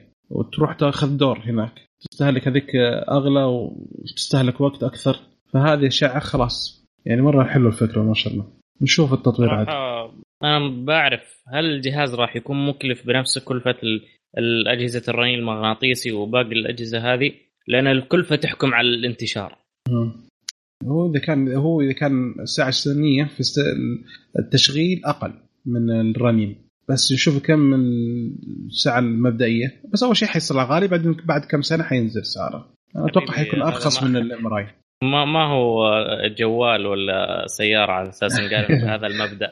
لا لا بس لما مجال الطب أنا عارف. مجال الطب ترى مرة قدر أنا عارف بس لما تتكلم أنت ما أنا المستشفى ما حيطلب جهاز واحد. فهي ما في في الدنيا مستشفى حيطلب. المستوصف يطلب لك جهاز واحد. المستشفى حيطلب لك على الأقل ستة خمسة. م. فكل مستشفى زي كذا فبعد فترة حتضطر packages ما packages والحين ترى المستشفيات اللي ماسكة. هي اللي الشركات تجون تكفى تكفى تكفى تكفى. يدورون والناس يقول والله ما معنا فلوس معليش. طيب أوكي إيش رأيك نسوي لك كذا؟ ما والله نحاول. طيب إيش رأيك نعطيك كذا؟ ندربهم لك. طيب نشوف. نعطيك جهاز على جنب كذا صغير حق العمليات. فهمت؟ زي كذا صاير الحين السوق. نبني لك مبنى ما عندنا مشكلة بس أعطونا تعال. يا عمي المستشفى أنا في عارف المستشفى بنوا مبنى كامل عشان الام بس عشان يشترون الام خذوا الجهاز وإحنا نبني لكم مبنى حوله كامل. إيش تبي أكثر من كذا؟ الله. راح فك مستشفى. والله زي اللوز. يا عمنا وأنا أقول العيادات هذه قاعدة تطلع بشكل سريع مرة. اي بس الحين في سباحي طال عمرك وراهم وراهم. جالس تصيدهم. هي السعودية للمنشات الطبية فهي اللي جالسة الشهاده وراهم عشان ينتبهون لأنه في شباب حلوين يلعبون في السوق لعب. وهذول الحمد لله جو صادوهم. رجع البلاوي اللي قاعدة تطلع أجهزة غير مرخصة على عمالة واحد جايبينه قهوجي سبحان الله يصير دكتور خبير تجميل 20 سنة. هذا في أقول لك يا حبيبي آه، إيش آه يسمونه؟ آه في أحد المستشفيات واحد موظف سعودي حق الاستقبال آه جاي دربوه على الابر وصار يضرب إبر. حبيبي. إيه. وواحد ثاني طال عمرك علبه الاكسجين تعرف علبه الأكسجين؟ إيه عارفها معبيها من عند الورشة. بهواء حق الكفرات هواء عادي. ها كيف؟ هواء. وال معبيها هواء ما عبها أكسجين. الاسطوانة تصير فيها نسبة الأكسجين أعتقد 97 أو 96% مع نيتروجين عشان يصير يتنفس المريض. أوكي؟ يحتاج المريض مع مرات يكون أكسجين عشان يساعد على التنفس فيحطون له أكسجين شبه نقي. هذا حط له هواء عادي عشان يتنفس. قفلوا أهله بعد مو قفلوا. هو قفل المحل اللي جنبه حق ال... حق الهواء. حق, حق الهواء حق الورشه إيش حالك؟ بس شغالين الحين. عشان كذا مطالبين لازم يكون عندك شهادة صباحي خلال السنوات السنتين الجاية الظاهر. خلاص. أوكي حبيبنا. مضر. أوكي. مضر. حبيب ساكت كذا فترة ما عندك شيء. ما عجبك موضوع الأشعة. عطنا موضوع يعجبك. أسمع يا سيدي. تفضل حبيبي. آه والله هذا هاكر يبغى ضرب. في هاكر طبعا إحنا نعرف ال dark web أو ال deep web نتكلم. آه، دائما تسمع إنه يبيع مثلا الأشياء مثلا الوثائق المزورة سواء IDs أو هويات أو رخص أو جوازات أو أو أو, أو, أو عملات مزورة. هذا يا رجل دخل في الثقيل. هذا جاب أم العيد. هذا يا سيدي تعرفوا الأجهزة حق التوجيه؟ في 2016 كانت اجهزه توجيه الطيارات أو اجهزه توجيه الصواريخ وكذا. هذه فيها كانت مشكلة آه، أو فيها bugs من 2016 كانوا حتى قاعد يجمعوها وقتها ال FBI هذه فيها إي سواء طيارات أو حتى أي أجهزة توجيه آه، في لها bugs فيها فيها فيها ثغرة أمنية. الآن الآدمي هذا طبعا الهكر استخدمها. دخل على الأجهزة أو دخل على ال data center حق أو المحفوظات اللي فيها آه، الخرائط حق الطيارات اللي بدون طيار. أخذها كامل اللي هي MQ 9 Reaper اللي هي الدرون الحربيه لا طيار غير طيار. أخذها أيوه. كامل المنصة كامل. أخذ تصنيعها كامل من ال A to Z manual كامل الرجال. بالضبط. غير كذا طبعا التدريبات الأشياء اللي لها علاقة بالأسلحة والتدريبات والدبابات وأنواع الحروب السرية و يعني أخذ أشياء كثيرة اللي يقهرك ال document حق ال drones هذا يبيعها تعرف بكم؟ كم حبيبي؟ يبيع 2000 1000 1000 بيتكوين مثلا 1000 بيتكوين يقول له لا بالدولار الأخ عشان آه. يربح أجل 100000 ولا 500000 ولا شيء من 150 إلى 200 دولار. 200 دولار؟ أصفار نسيت تقرا ما في أصفار 200 ما. دولار. بس يا و... يا واطي يا واطي. شباب معليش. في واحد آه، قطع عليه النت هنا. معليش. ألو؟ ألو؟ هذا وين؟ 200 دولار؟ يا الله. يقول لك I expect about 100 150 to or 200 حاجة زي كذا. مرسومه حاجة شكله مو فاهم إيش هو. هو يا رجل ما, ما أعرف إيش أقول للآدمي إيش مسوي. والله طبعا هذا هذا طبعا في ال dark web. هذا يا رجل مات طبعا يعني الحين سؤال يعني هذا لما يقبضون عليه هل يحكمون عليه عشان سرق ولا عشان مبلغ الزبالة اللي طالبه على الغباء حقه هذا؟ والله معرض نفسه للخطر والتهريب. يا أخي يعني بس أتخيل بس التهم الموجهه له سرقة أسرار. تعرض أمن دولة آه، مساعدة في هجوم. صح ولا لا؟ يعني كل هذا توديك 25 50 سنة. عشان 200 دولار. بالعكس هذا يستفيد منه. يقول لك الآد حقون الباحثين الامنيه آه، يعني أو ال cyber security في أمريكا قاعد يحاولوا يعني يتصلوا فيه إنه تعال نتفاهم تعال نعطيك 200 آه هم بيشوفوا إيش كيف صارت. طبعا هم اكتشفوا إنه هو المح... نفس القرصان واخت... آه، اكتشف في أو في محرك بحث اسمه شودن. تعرف كيف؟ آه هذه متصلة في بعض مع مع بعض هذا في داخل المينستري أو داخل وزارة الدفاع. متصلة آه بأجهزة مع بعض متصلة مع بعض. نعم إيوه. الدفاع أيوة. من ال bugs من ال bug حق أجهزة التوجيهات أو أجهزة التوجيه دخلت دخل هو واستغلها ودخل في الكاميرات ودخل في ال data center تبعه. أخذ كل حاجة. يعني تقريبا ما أقول لك أخذ كل شيء ولكن أخذ الأشياء اللي هي جدا critical جدا مهمة. يا رجل الدرون هذا لحاله بكم ما يبيعوها مو classified ولا حد يقدر يبيع هذه. إيران يوم آه، طاحت عندها اخذ طيارة جلسوا انبسطوا جالسين يبغون يسوون زيها. جاهم بلاش. طيارات جاهم غير الدو... غير الدورات التدريبية وغير الدبابات غير أدوات الحرب السرية. يا رجل هذا دخل في الثقيل ده. يا أخي أرخص من أبيع- أرخص من الجوال يا. عم ما بالك كمان يبيع الدوات الحرب السرية ذي ولا شيء يروح يبيعها 5 دولار ولا 6 دولار. مجلة نيك يا أبوي. الرجال شكلك كذا الرجال يخطط على كمية. ما يبغى بندل أقول لك هذا يحكمون عليه غباء. ما ما ما له دخل. كل تم حيرمون عليه بس غباء. عناد غباء هذه اللي بتثبت. إي. هم إلى. الآن ترى حاليا يقولوا منهم فيهم ترى الحركة ذي. لا مصيبة. يعني ممكن يكون ممكن يكون. آه، ممكن يكون يعني آه، كيف أقول؟ آه، اشراك فخ. ممكن، ما. مبلغ على ويب 200 دولار ما ما الدارك فخ لهالدرجة. من مشكلة. طيب الله يعطيك هذه. مشكلة ال dark web ما يمديك تعرف أو ما يمديك تعمل tracking للشخص إلا بصعوبة يعني ياخذ وقت طويل عشان كذا يبغون يتفاهمون معه يلعبون عليه نقول نعطيك 150 دو... 250 دولار يجي يركض الرجال من نفسه أوكي حبايبي آه. أوكي حسين عندك خبر حبيبنا؟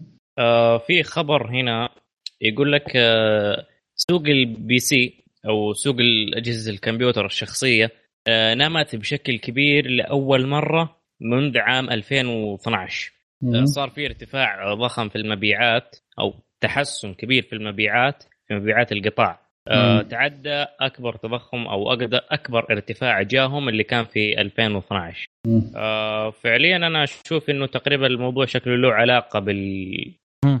بالبيتكوين والتنقيب مم. ممكن. من كل السنوات الماضية ما حد يبغى يشتري أجهزة. الحين فجأة بدوا يشترون. يعني الأجهزة هل هذه أنا أفهم منها إنه كل سنة المشترى كل سنة مبيعات السنة اللي قبلها أعلى من مس- مبيعات السنة الحالية. فهمت؟ مم. فكل سنة تنزل. هالمرة صار فيه صعود. إن السنة هذه أعلى من السنة الماضية. هذا أول مرة تصير من 2012 ما أدري أنا أتوقع بس بسبب يعني واحدة من الأسباب ممكن واحد من ممكن. الأسباب. واحد من الأسباب. ما هو السبب الرئيسي. لا يمكن بعد لا تنسون ترى يمكن انها في كل أجهزة فترة تحتاج انها تتطور يعني خلصنا أي من قعدت 2012. أربعة خمسة أربع أجهزة خلاص الواحد يبغى يشتري أجهزة جديدة الحين. كلام آه، معقول. وبرضه عندك آه، ممكن وعي الناس للخرابيط الشركات آه، ال PlayStation وال Xbox وال Switch. خصوصا مع الحركة اللي قاعدة تسويها الآن PlayStation تحت. شعار آه، لأجل اللاعبين. أيوه فيا وش وش اللي مشكلته؟ هو حكاية ال- إن الأجهزة تلعب مع بعض الالعاب ال online ال sharing. مم. ف آه حقت آه، ما تشبك مع Switch أي ما يبغوا يسبش آه. يشبكوا مع Switch و PC و Xbox. فالواحد يقول لك أسوي لي جهاز يشغل 4K حقيقي محترم في كل مكان بكل مكان وألعب بكل مكان و... واخذ اللعبة أصلا حتى ممكن مكرك إذا انزنقت. حلو. okay تمام. الله يعطيك العافية حبيبنا. آه في طال عمرك آه منصة نون تجارية موقع نون للتجارة. آه فتح الحين آه على قولهم آه، وحدتين عمل في الصين في هونغ كونغ والصين نفسها عشان يوفرون. يوفرون منتجات للموقع. وخطوة أولى عشان بعدين فيما بعد هي حالة تبغون يتوسعون في السوق الصيني أساسا. يعني بعد ما يعني نوعا ما يقول ثبتنا نفسنا هنا في المنطقة فيبغون يجيبون منتجات أكثر عشان يزيدون آه، نجاحهم يزيدون آه، عرض المنتجات خصوصا إن يعني هم تأخروا في شو اسمه؟ نعم في الطرح في الانطلاق أساسا. فهم يبغون يوسعون دائرة الأعمال وتوفير آه، منتجات أكثر للزبائن في الشرق الأوسط عن طريق يعني الصين. بعدين يبغون يتوسعون في الصين نفسها كخطوة مستقبلية. يبغوا يتوسعوا في الصين نفسها شكل يعني بيحط راسه في راس علي بابا. علي علي بابا؟ حبيبي هذا علي بابا كبير. شفت علي بابا لما يجي الهندي يقول لك هذا أنت علي بابا كبير؟ هذا علي بابا كبير حق الصين كلها. طيب ما في مشكلة. إيش بتسوي؟ نون نون. طيب يحطها في جنب. تخيل. طب تخيل لو أخذت مثلا وا- واحد في المية من السوق. كم انجاز حيكون؟ كم حيكون تقريبا؟ إذا في يوم واحد باعوا هذوليك آه، 25 مليار دولار. فيعني تخيل 1% بس. شوف عاد والله شيء. والله هو شوف هو فيها فيها ريسك عالي يعني إنه أنت تناطح سوق قوي مثل سوق آه، الصيني. آه وتفتح يعني شيء يعني زي ما تقول شركة تعتبر أجنبية ما هي شركة صينية. وتناطح شركة في الصين مقرها وهذه طبعا أنا أعرف إنه في الصين عندهم دعم كبير للأسواق الصينية وعندهم تسهيلات أفضل من الشركات و... الأجنبية. كمان ولاء بعدهم. عندهم الشأن نفس نعم. الشعب عنده ولاء للشركات الصينية أكثر من, إيه. من الشركات الأجنبية. ف... حتى على حساب المواصفات والجودة. إيه فعشان كذا يعني أنا قلت إنه حي ممكن حيلاقي صعوبة في البداية ولكن الله يوفق لهم يا رب. صح. أوكي. طب تعطيني خبر عندك يا مدر؟ آه والله في عندي خبر آه لطيف. ما شاء الله أخبار آه كثيرة يا شباب ما شاء الله. في حلقه نقلل شوية معليش. حلقة اليوم آه سوبر أخبار mega يلا mega إن شاء الله يستمتع. كل العيال آه آه في عندنا يا شيخ في شركة آه، كندية اسمها Opener Inc آه سوت آه أو أطلقت آه طائرة جديدة في راكب واحد. آه، طبعا آه، بالنسبة للطيارة هذه آه، شبه تقريبا بين القارب وطبعا هي تطير بشكل عمودي أو برمائية يعني. لا ما إلى ما ما قالوا إن هي برمائية ولكن هي شكلها زي القارب.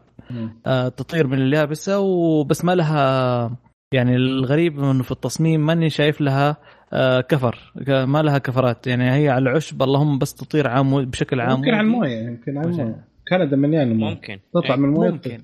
ممكن. بس يعني في الخبر ما قالوا شيء إنه هي داخله في الموية أو شيء زي كذا. إنه إلى الآن هي بس على أساس إنه يأجروها للناس. هي flying car سموها flying car لكن ما لها علاقة لا هي إنها سيارة ولا أي شيء. آه آه، بس انه اللهم تطير بشكل عمودي ثم أفقي طبعا الجناح مم. نفسه يتحرك أو بعد ما تطير بشكل عمودي يوصل لل level معين أو ارتفاع معين يقوم المروحة تتحرك بالجناح على شكل أفقي. أعتقد موجودة هذه الحركة موجودة في Grand Theft Auto معلش على التشبيه. موجودة. شايف كيف؟ موجودة الحركة هذه إن الجناح يتحرك مع المروحة ويصير بشكل أفقي ويطير. فهذه أنا ش... أول مرة شفتها في Grand يعني Auto بعدين لقيتها تحققت. يعني كأنها مروحة هليكوبتر بعدين تتحرك كأنها مروحة عادية حق الطيارة عادية. بالضبط. طبعا هي الجناح هو اللي يتحرك. آه. ترى ثمانية محركات طبعا لها ثمانية محركات أربعة قدام وأربعة ورا آه وفي طبعا سرعتها آه، لين 25 ميل أو مم. نقول 40 كيلو متر آه، سرعة القصوى آه، طبعا 6 و 25 ميل هذا المد... المدى مجالها 40 كيلو ما أدري إذا مجالها أيوه. ولا لا 40 كيلو والسرعة 100 كيلو أيوه بس إيش المدى بالضبط؟ الكهربائية. أكيد انها خلاص. تشحنها مرة ثانية. آه okay okay ال capacity okay ماشي. آه ممكن. ما أدري والله. تروح تخلص ارجع. والسرعه القصوى طبعا توصل 100 كيلو متر في الساعة. آه طبعا آه وبس هذه هي. طبعا جربوها لها لهم تسع سنوات يعملوا لها تطوير. آه سووا تقريبا إيوه كانت وأخذوا ترخيص من ال FAA حلو. هو ما أدري إيش هي ال flying aviation حق شو اسمه؟ Federal Aviation مدري إيش. اي Federal Aviation Agency آه طبعا تسع سنوات تطوير. آه سووا أكثر من ألف رحلة تجريبية. آه ك... وبس وطبعا هم بيقولوا إنه هي جدا آمنة. ويمديك تأخذ آه، رحلة مدة 30 دقيقة. وجدا صوتها ما هو عالي ما هو في له صوت الضوضاء العالي لأنه هي كهربائية أصلا. المراوح هذه كهربائية وليست توربينات أو كذا. آه ف بس هذا الخبر البسيط أنا عجبني يعني. يبغانا نجربه يوم. وكم سعرها؟ 200 دولار؟ زي اللي اخذها كله والله ما حط ما حط والله هم يأجروها. لكن يبيعوها ما ذكر يبيع البيع حقهم. آه حلو عشان حلو. والله شوف مجال لو 200 مجال السيارات الطائرة هذه آه، شركات كثيرة قاعدة تخش. حتى أستون مارتن آه، مطلقة نموذج ونيتها إنها تخش المجال هذا. برضو في شركات صينية كان موجود آه، سياراتهم الطائرة موجودة في معرض في الرياض. والله نسيت آه، اسم المعرض صراحة. لكن كان موجود برضو كانت موجودة في آه، دبي العام الماضي. سيارات سيارات الطيارة أو سيارات الطائرة أنا أتذكر إنها فكرة من أيام الثمانينات. فلاحظت إنه أكثر من شركة كانت تحاول تسوي السيارات الطائرة هذه ولكن واجهت مشكلة في الانتشار بحيث إنه طلع طبعا أكثر من تصميم طلع أكثر من اختراع. وأكثر من شركة اشتغلت فيها ولكن واجهت موضوع التخطيط البنية التحتية بالنسبة للطائرات اللي هي منخفضة الارتفاع. لازم ترى آه لازم إلى يومك هذا هيئة الطيران هي اللي تحدد المسارات وزي كذا. هذا مشكلتها ترى عشان لا يتصادمون يعني ما حيكون مجال مفتوح.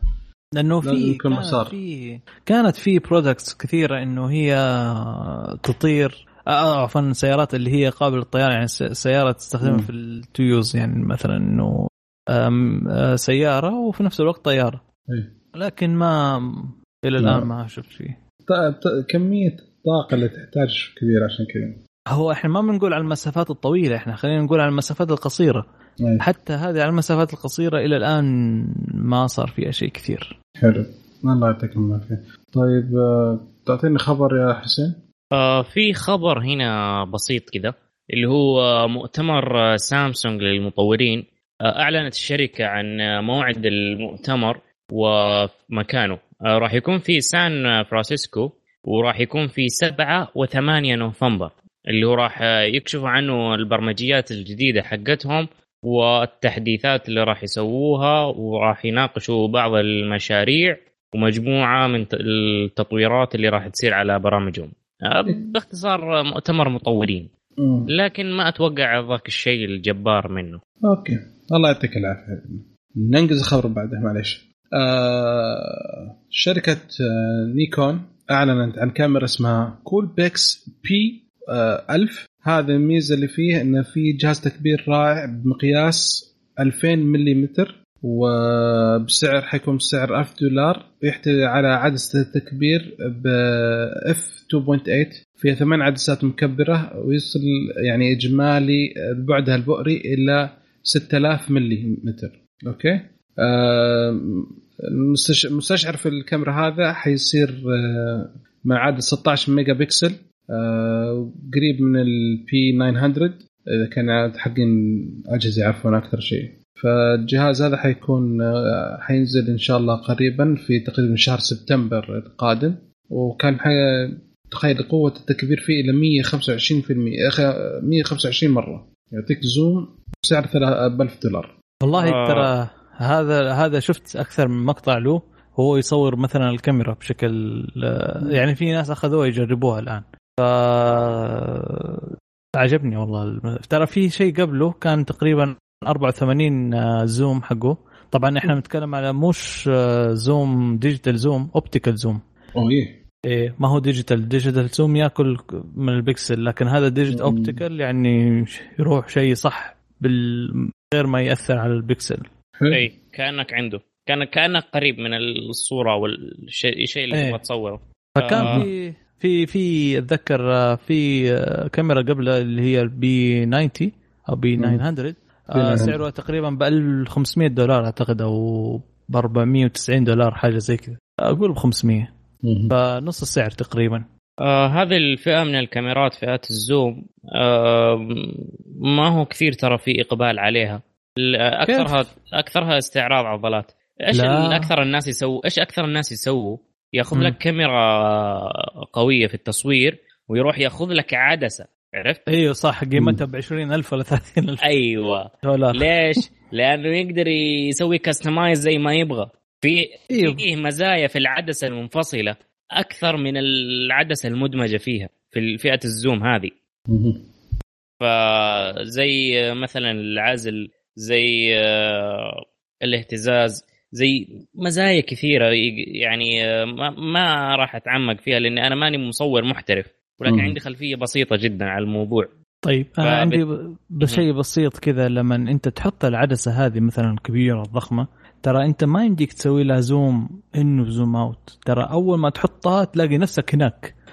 عرفت؟ لأن هي خلاص عدسه جاية على طول أيوه. لا لا لا ما بعدين كمل. تتكلم, تتكلم عن الكاميرا ال zoom هذه ولا عن العدسة اللي ب 20000 اللي اللي ب 20000 لا, لا. أول ما تركبها يسوي لك zoom إنه zoom يسوي لك zoom in zoom out لكن ما هو يعني المسافات قريبة لكن already هو أخذك هناك. ما يبعد لك مو يعمل لك اياها من مكان ما أنت فيها لين هناك لا. لأنه في عدسات يجيك يقول لك من كذا من مثلا أي من 70 150 400. إلى 40 وبعد آه، من ما- لا، ما 40 تقدر. إلى 150 ومن 120 إلى 200 ومن 100 آه، 200 و... إلى 400 زي كذا فالعدسات. لما تركبها تجيك على طول توصل ما تبدأ من آه، بعد معين already شوف أكثر آه، آه، أكثر الناس مصوري الطبيعة ومصوري ال landscape يستخدموا آه، تقريبا 40 آه، ثلاث- آه، 70 إلى 300 تقريبا حلو أي. هذا ال- العدسة. ال diameter إيه، آه، مو diameter العد- اسمه نوعية مقاس. العد... مقاس العدسة من آه، 30 آه، من 70 إلين آه، 300 تقريبا 300 لأنه. حيكون أيوه ي- يغطي لك المجال هذا ويكون العزل عندك أفضل حلو. okay الله يعطيكم العافية آه، اللي بعده حبيبنا نظر آه سيري في عندك آه، شركة آه والله أنا ما أعرف إذا كانت هي إيش آه آه، أعتقد آه، فيها شر- شركة اسمها آه سيرين لابس آه أطلقوا هاتف اسمها فيني فيني طبعا إيش اللي يعجبني في كلمة فيني كذا. فيها ميزة اللي هي بلوك تشين طبعا هذه جزء هذه من شركة HTC. عندهم lab اسمها Sirin Labs.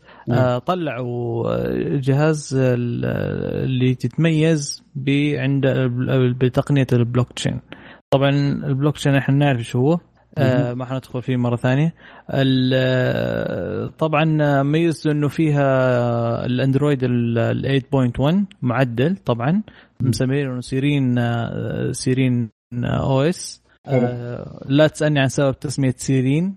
مو آه، مشكلة. طبعا يأتي طبعا يجيك هذا شا- بشاشة مزدوجة. طبعا في شاشة من ورا شاشة صغيرة والشاشة. الكبيرة. طبعا الشاشه الكبيره جدا آه، من ال edge to edge من فوق لتحت.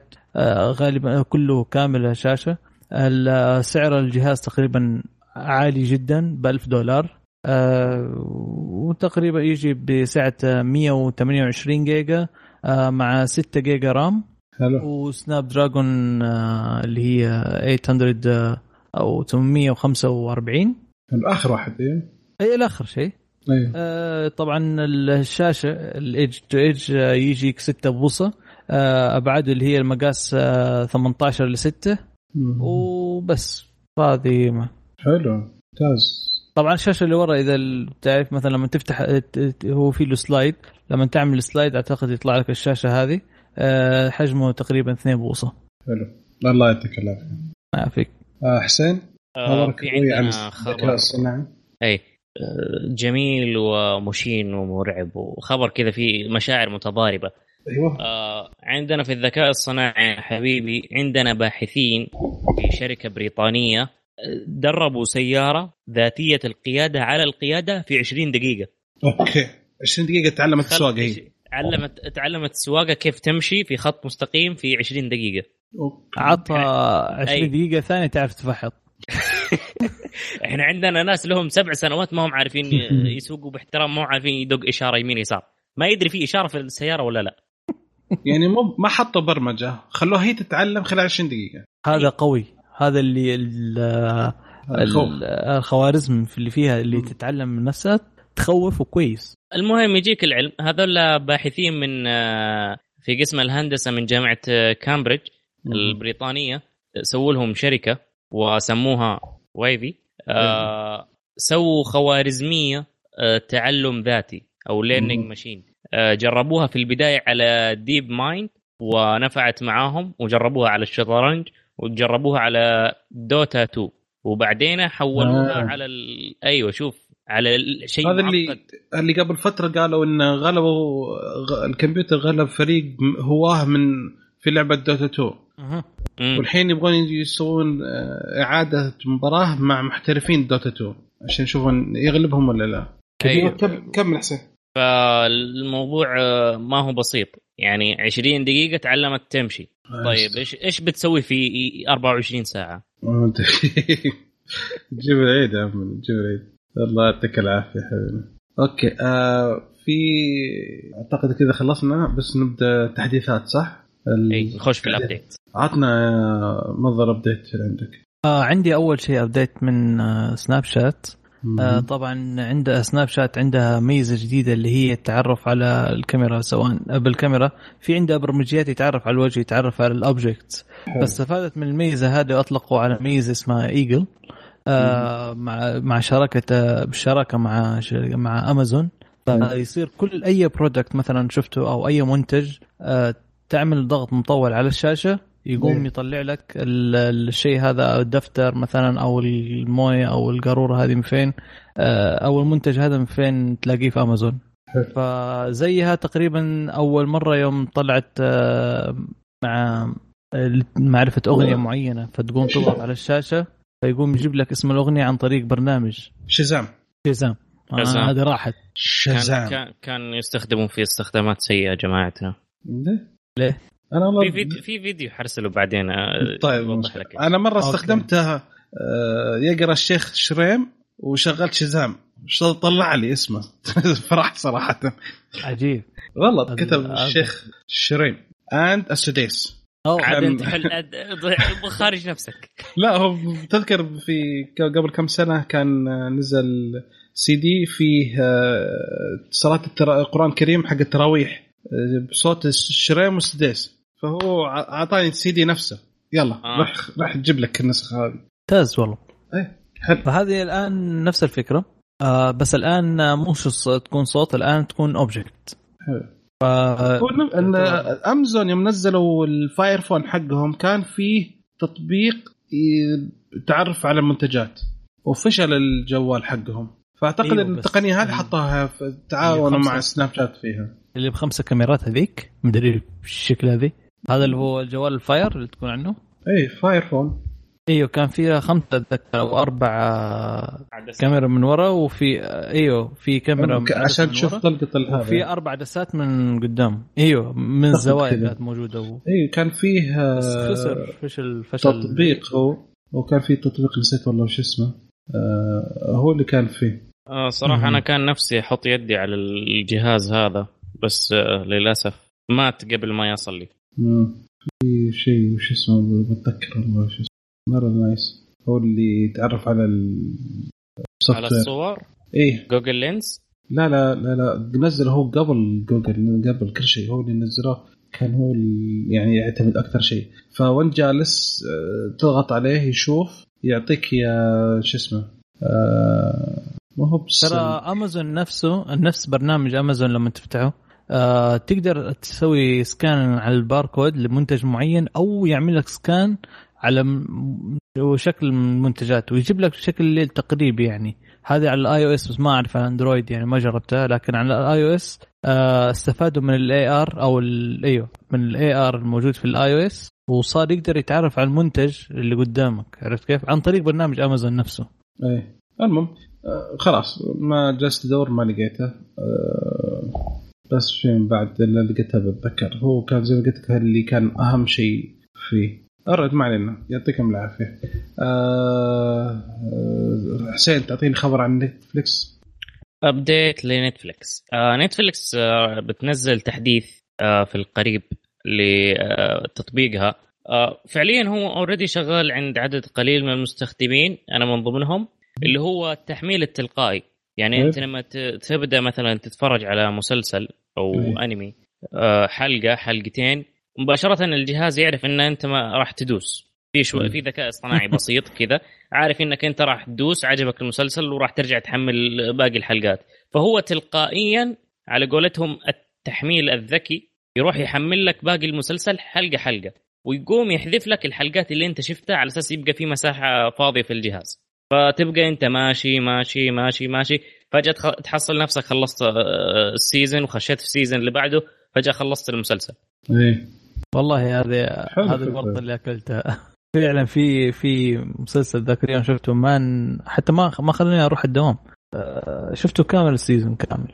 آه، ترى صارت معاي أنا في ال... أه... صارت معايا في The Innocent المسلسل الجديد حقهم. أيه. شفت المسلسل كامل وأنا ما ما داري. أنا حمل ثلاث حلقات تمام؟ وعلى طول يقول لي next الحلقة اللي بعدها ترى محملة. آه، على طول تشغيل مباشرة. أيوه. اسم ال حلو. الله يعطيك العافية. نرجع على ال Fire Phone. Firefly button هو تقنية ال Firefly. هو اللي يشوف المنتج يعرف وشه ويخليك تقدر تطلب آه على طول من امازون. إيه، التقنية Firefly. اسمها Fly. اي تضغط عليه. إذا ما شفت أي شيء منتج قدامك قاروره موية. تضغط على الزر. يناظر بكاميرا تشتغل أربع كاميرات يشوفها يع- يعطيك وش وش زي كذا ويقول لك أطلب له لك ولا لا؟ وش الكمية؟ واسعار وتوصيل متى؟ كل شيء يعطيك معلومات عنه كتاب يعطيك معلومات فيديو وانت تتفرج على فيلم طلع الكاميرا وشغل اضغط على ال Firefly. يشوف الفيلم يقول لك إيه هذا من الفيلم الفلاني. كذا كذا. تبغى تستأجره تبغى تشتريه. كان فكره حلوة مرة بس للأسف ما نجحت. ما علينا.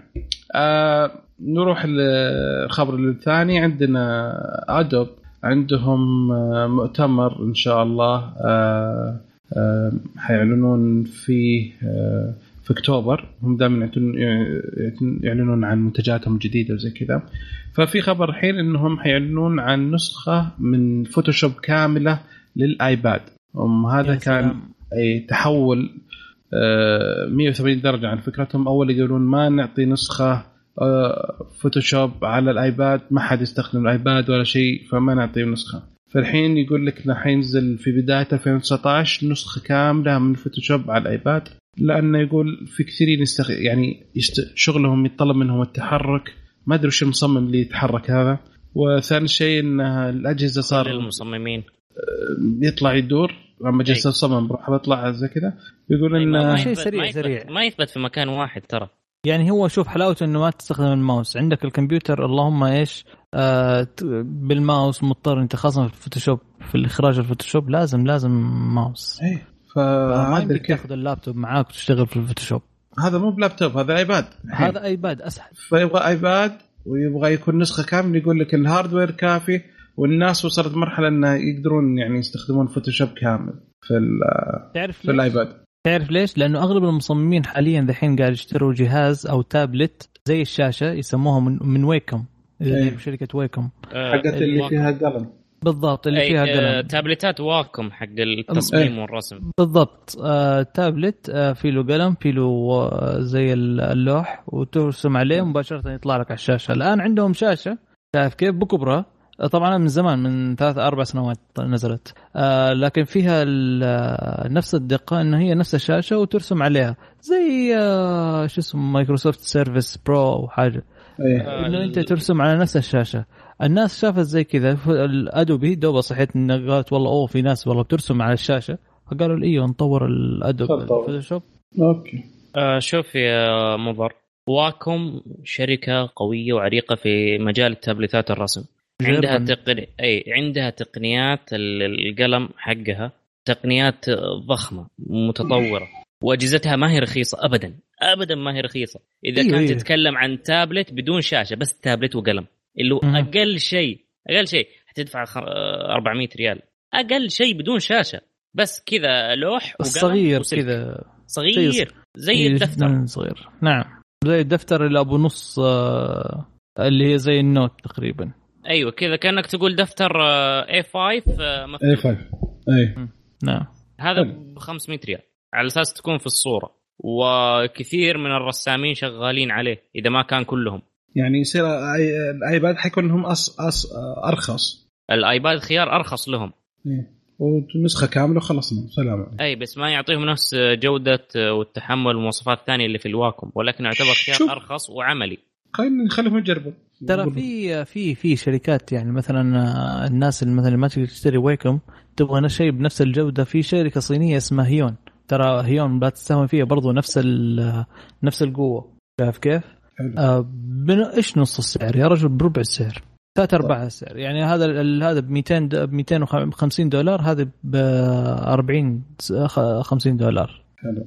بس هذه. الله يعطيكم العافية. حلو شباب الله يعطيكم العافية. آه، حسين تعطيني التحديث الأخير عندك حبيبنا؟ آه عندنا واتساب فيها تحديثين واحد كويس وواحد يجيب فيك العيد. آه كالعادة كويس أول شيء. اي لا لازم يخربوا ويوازنوا كذا ما تعرف طبختهم هم وفيسبوك. آه التحديث الأول اللي هو راح يصير عندك آه خيار إنك تسوي آه للرسائل كمقروءة. يعني عندك ال notification فوق في التنبيهات تفتح على الرسالة تشوف التنبيه تحدد الرسائل كأنها رسائل مقروءة كأنك خشيت وشفت وقريت. يعني تطلع له صحين زرق نفس النظام آه. آه. بس أنت ترسل له request ولا هو خلص لحاله؟ لا لا أنت من الإشعارات آه. من فوق. آه mark mark as read. okay okay. أيوه. ما احتاج له خلاص خل هذه كمقروءة. ما أنا فاضي أخش التطبيق لا أنت خليها كمقروءة وخلاص الرجال هذا ما لي حلو. فيه. حلو ممتاز تمام؟ سيء. بس ما أدري شو الفائده آه صراحة أنا مستفيد منها في الاس ام اس يفيدك بالعكس كويس. أي. آه عندي في آه، ال SMS آه، أقدر آه بدون ما أفتح البرنامج أو أي شيء في ال notification أحطها كمقروء وخلاص انتهينا. تفتح صح برضو في الإيميل نفس الشيء. إيه. لما يكون عندك مجموعة إيميل كلها إعلانات تحدد وخلاص انتهينا. آه الخبر الآخر اللي راح يكون سيء لبعض الناس اللي هو الآن لما تسوي إعادة توجيه للرسالة مثلا آه، أحد رسل لك رسالة معينة. مثلا أنا آه، بدر رسل لي آه، حسين بالله يكلم لا وليد. لا مو بالعكس أنت ترسل. أنا ما أسوي شيء. أنا كل اللي اسويه copy paste copy paste forward forward هذا شغلي في الواتساب okay. أنا أسوي reply بس. ريبلاي مثلا اي reply معلش تابع لو سمحت. أنا آسف. pronunciation أعتذر عن هذا الخطأ المشين. طيب. آه، أحد رسل لك أو مثلا تهنئة العيد. هذه دائما تصير. مرة تصير. تهنئة العيد. أحد رسل لك تهنئة. شفتها وعجبتك. تقوم تسوي لها إعادة إرسال وتحدد الشعب كله وتنسى أصلا حتى إنك تشيل أم محمد وتحط أبو محمد ما عليك صراحة أم محمد. انتشر. الآن مو الآن حتى حطيت أبو محمد يطلع للناس إن هذه الرسالة معاد إرسالها. يعني أنت سويت لها إعادة إرسال مباشرة من الشخص اللي رسلها لك. فمفضوح مفضوح. طيب وش يعني وش الفائده من المعلومة؟ وش أستفيد أنا من المعلومة هذه اللي يعني ليش أنا تعب نفسي يا واتساب؟ وانزل الميزة هذه وش حتفيد الطرف الثاني إذا هي جاية؟ يعني في بعض الناس يكتب بدل ما يكتب كلمة منقول من تحت يكتب خلاص هي already forwarded فإنه آه، يعني ممكن حد من الإشاعة يعرف إنه ممكن إشاعة ممكن يعرف إنه هذا منقول عرفت؟ آه أنا هذا اللي أشوفه. أنا بالعكس اشوفها كويسه بالنسبة لي. خلاص forward عارف إنه مو أنت المصدر فيريحني. فبدل ما أقول له مصدرك أو أنت المصدر خلص أنا عارف إنك أنت قاعد تنس... نسخ ولصق أو تعمل بس forward بس. آه فلذلك يريحني شوية إنه أقول والله ما ما في أناقش. عرفت؟ ممكن يعني بالذات الواتساب أنت عارف نظام رسائل الواتساب الحوت الملون وفجر مدري مين وسوي آه. مدري إيش. أي. هذا الكلام أنا جالس أقول لك. أنا أنا أسوي دائما. forward forward كل شغلي في الواتساب forward أنتم ما الناس إيه عايشين في الواتساب. أنا ما واتساب ترى ما ناظر إلا فضيت. أجي اكتشف أنا تحت واقف عند السيارة. يا رجل والله ما كلمتني قبل ربع ساعة. الرجال جالس يستناني تحت يرسل لي واتساب. أنا تحت. إحنا ما ترى ماني من لهالدرجه اللي 24 ساعة. الله يعطيكم العافية. آه بما إن إحنا بما إن خاربه خاربه وطولنا أصلا ما شاء الله. ففي خبر أخير جاء طازة تو جاي. آه في شيء تقرير من سنسور تاور يتكلم عن آه عدد التحميل البرامج في تطب... آه في متجر متجر ابل آب ستور وجوجل بلاي آه في النص الأول 2017 نزل آه، تطبيق عدد التطبيقات اللي مو بعد آه، آه، وش يسمونه؟ تحميل. كان 32.6 بليون مقارنة أو هذا بالنسبة لجوجل بلاي وآبل كانت 13.2 في النصف الأول من 2018 من ثلاث من 32 صارت 36 وآبل من 13 إلى 15 فصار في زيادة آه، Google Play 10% و Apple 13% المشكلة في ال revenue أو الدخل انه بالنسبة للألعاب بالنسبة للبرامج الدخل حق آه، جوجل كان في بدا النص الأول من 2017 كان 9.1 بليون دولار وصار 11.8 في حين إن Apple في زيادة 29% في حين Apple كانت 17 مليار وصارت 22 مليار. يعني double آه، جوجل. وبالنسبة للألعاب نفس الشيء آه، النص الأول دخل Google Play كان 8.2 من الألعاب وصار 10 Apple كانت 14 صارت 16 يعني باختصار يعني Apple آه، دخلت ضعف Apple آه، ضعف جوجل. أرباح جوجل بنص الداونلود. هذا ملاحظ ان شيء؟ أكثر التطبيقات ابل أساسا تطبيقات مدفوعة. نختلف معك. لا لا لا لا, ما له علاقة. كيف؟ إيش دخل المدفوعة في ال... بالعكس أنت عندك فيلير يا رجل في التطبيقات معناه لأنه عندك كمية عندك جوجل كثير. عندك كمية أجهزة أول شيء اندرويد معقولة كل هذا الداونلود ما استفاد ولا شيء؟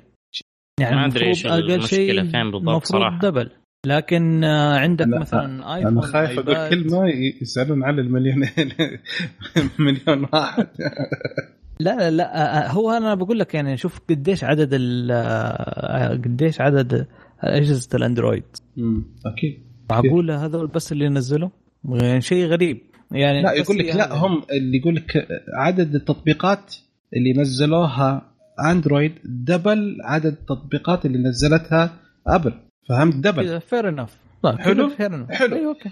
ممتاز. Apple دخلت double ما دخلتها Google Play ها ها. ممكن يجي في التطبيقات غير المدفوعة زي ما قال حسين. ممكن يجي التطبيقات اللي يسموها ال- إنك تدفع داخل التطبيق زي الاشتراكات منها. أي.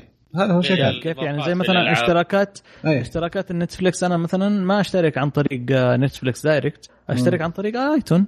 أي نعم. عرفت؟ فهذا يحسب. فزي كذا هذه هي بالضبط أحسب. وغير الألعاب المشهورة أي. في ناس ما تشتري عن طريق جوجل ترى. ما تشتري أو الاشتراكات حقتها ما تعمل renew عن طريق أو subscribe عن جوجل. تدخل على نفس الموقع مثلا تشتري منه. نعم. موقع اللعبة والمنطق. okay. كذا يكون خلصنا شباب. آه الحمد لله. خلصنا فقرة آه الأخبار. آه نعتذر عن الإطالة. الحمد لله آه تحمسنا شوية. والحين إن شاء الله ننتقل إلى الفقرة التالية. وصلنا للفقرة الثانية وهو موضوع الحلقة. موضوع الحلقة هو عبارة عن رسائل ال RCS. أول شيء وش هي ال RCS؟ قبل ما نتكلم في ال RCS أول شيء هي عبارة عن خدمة بسيطه خدمة زي الانت ال SMS. بس خلينا نرجع شوية زمان على موضوع ال SMS وال MMS لأن هي تقريبا زي بعض يعني أو إنه ال SMS و MMS هو هذه ال RCS ال MMS. إحنا نعرفه اللي هو short message service بدأت في أواخر الثمانينات هذه رسائل كانت. عبارة اللي هي SMS إيوه اللي هي كانت آه، بس مجرد رسائل قصيرة جت بعدها ال MMS اللي هو ال multimedia messaging service نعم. جت في بداية ال 2000 وكان موضوع ال- الرسائل كانت احجامها بسيطة الصور الصغيرة مقطع صوت فيديو ما أعتقد آه، كان يوصل كان. شيء عنده 300 كيلو. تفضل. كان قف ترس أكثر شيء. أيوه كان 300 كيلو. مهم. كانت 300 كيلو بايت أقصى شيء يرسلها. حلو. بعدين جاء تط- تطور ال MMS صار يرسل 600 كيلو بايت. ومن بعدها وقف. ما عاد صار بدأ ينتشر في شيء دخلت ثورة الإنترنت في التسعينات ودخل ال social media بعدها. وجاء بدأ ينتشر اللي هي ال- البرامج الأول ما نزل الواتساب و KakaoTalk. آه، الواتساب أتذكر نزل على ال Symbian على النوكيا آه لكن مرة ما كان effective ما هو كان شغال كويس. آه بعدها آه انتشرت طبعا الأجهزة الذكية وصار في الواتساب صار في تليجرام صار إيه صار عندنا ترى البرامج اللي هي آه برنامج التواصل الاجتماعي والرسائل الفورية. حلو. الآن في شيء جديد آه نظام جديد اسمه ال RCS اللي هي rich communication service طبعا أطلق في 2000 وص- في نوفمبر 2016 آه، طورت آه، من قبل GSMA اللي هي Global System for Mobile Association طبعا الإصدار الاولي كان في عام 2012 آه، حلاوته أكثر شيء إنه نفس نظام ال SMS يعني تلاقيه في نفس ال application لما تروح البرنامج الرسالة أو ال messages. ما يعني ما ما يحتاج مثلا update أو شيء زي كذا. لا خلاص هو يجي مدمج مع نفس هذا. طبعا مو موجود في السعودية الآن. آه، آه، حلاوته إنه ما يحتاج آه، إنترنت. نفس طريقة الواتساب. تقدر يعني تتخيل إنك أنت تقدر تعمل جروب تقدر تعمل chat to chat يعني شخص peer to peer يعني رسائل شخصية بين زي ال SMS بس اللهم عن طريق SMS حلو. كأنها اس ام اس هي مو اس ام اس بس كأنها اس ام S كأن هم جايبين لك ال SMS مع ال SMM وحاطينها مع بعض آه، عفوا ال MMS حاطينها مع بعض ومزودين عليها شوية. نعم. صارت التقنية هذه. حلو. اي صارت ال RCS آه ولدرجة إنه يمديك تعمل جروبات يمديك ترسل ملفات آه أقصى شيء آه 10 ميجا بايت. طبعا مفكرين إنهم يرسلوا برسالة أي ملف طبعا مو شرط ملف معين. آه مثلا PDF whatever الامتداد حقه. الصيغة. آه عندك whatever الصيغة. آه الغريب إنه يمديك تتصل ال IP voice فيها IP voice فيها مشاركة موقع. فيها إرسال طبعا اللي هو ال voice note يدعم الاتصال لل SIP. يعني اتصال إيش؟ SIP اللي هو أنا سمعت السب. قلت ورا يسب لا لا سب SIP آه. شكرا. حدد حدد. ترى okay SIP. okay. okay. آه فهذه يعني كانت هذه التكنولوجيا. طبعا حي يعني حيقول كيف إيش دخل ال SIP إيش دخل الاتصال في ال SIP؟ وإيش دخل هذه في هذه يعني غالبا أنا شخصيا أتوقع إن هي حتكون زي الاشتراك. إنه نظام الرسائل الفورية لانها صار RCS فحيختلف. ممكن يكون لها اشتراك معين. لأن على فكرة هذه ما يحتاج لها data plan ما يحتاج لها انترنت خلاص على الجوال على شبكة الجوال.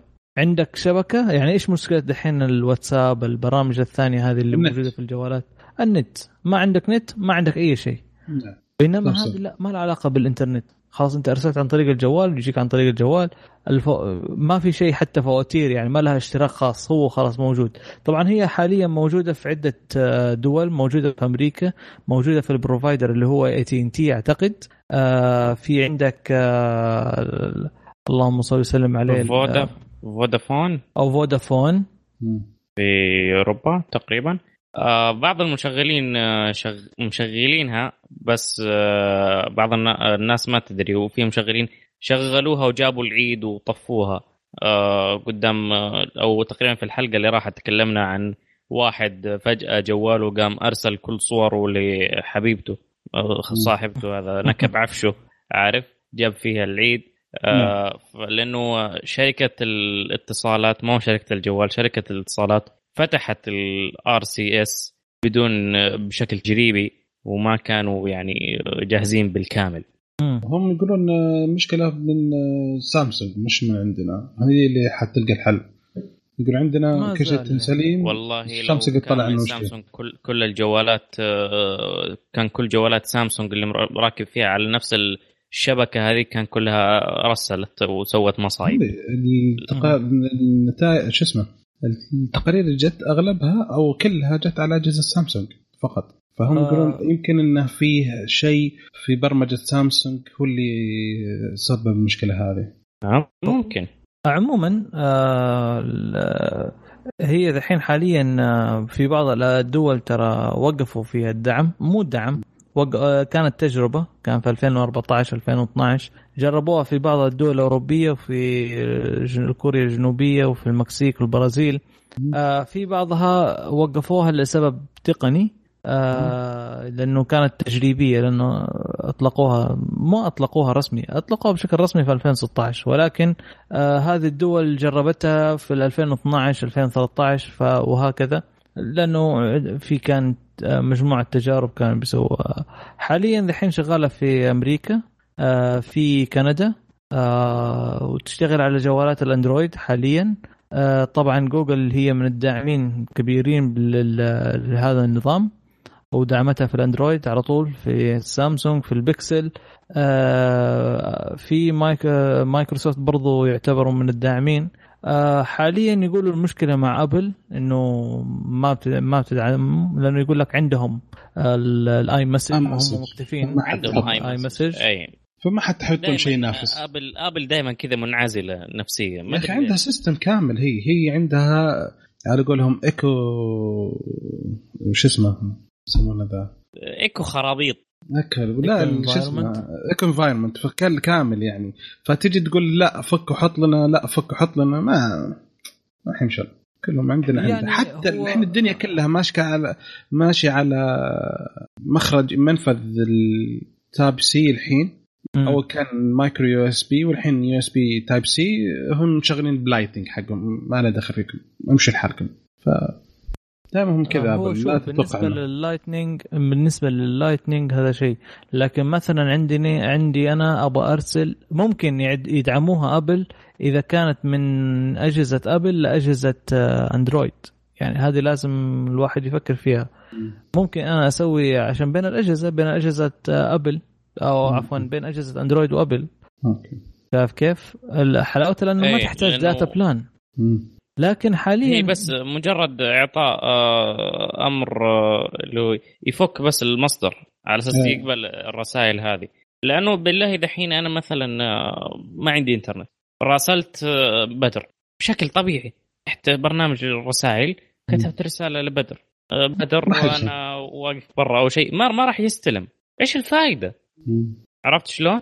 كيف ما راح يستلم؟ إذا ما إذا حسين ما عنده نت أساسا. ها أيوه إذا كان ما كان عنده إنترنت أيوه صح. إيه في الوضع الحالي. أيوه. ما حيجي ما حيجي شيء بدر ما راح يستلم. هذا إذا كان آه، باستخدام مثلا برامج ثانية. أيه. حتى لو أرسلته عن طريق ال iMessage آه، يقوم ال iMessage إذا شافها الشخص الثاني يعرف إنه هو عنده ايفون بس إذا ما قدر يوصل للنقطة آه، عنده يقوم يتحول على طول اوتوماتيك طبعا يمديك تلغي الميت هذه. أي. يمديك تلغي ال option هذا. ولكن يتحول على طول SMS وبس هذه هي ال RCS في أحد حابب يسأل؟ يعني الحين في زي ما قلت هي ميزتها انه كرسائل وكصور كأي شيء عن طريق كأنها رسالة كأنها كأن يرسل رسالة عادية وبدون حاجة إلى النت ولا شيء. ابدا. جدا ممتازة الفكرة. ولا يعني بس آه، غالبا إلى الآن ما جابوا سيرة هنا إنه يدخلوا. ترى ما حد غالبا ما حد يعرف إلا يمكن مشكلة السامسونج هذا اللي صار طلعت. آه، إيه يلا رب ضارت النافع على قولهم. الشيء غلط يحس الدنيا يطلع خلي الناس يسألون وإذا كثر السؤال يمكن يهتموا الناس يبدون تضبط الأمور. إيه ممكن نسأل حتى الشبكات اللي عندنا هنا متى تقدمون الخدمة ذي؟ ونشوف. والله شوف أنا منتظر الشبكات شركات الاتصالات كيف راح تبدأ تستغل هذه الخدمة. كيف تستغل يعني؟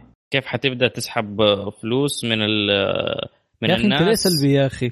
يا أخي مو سلبي هذا الواقع.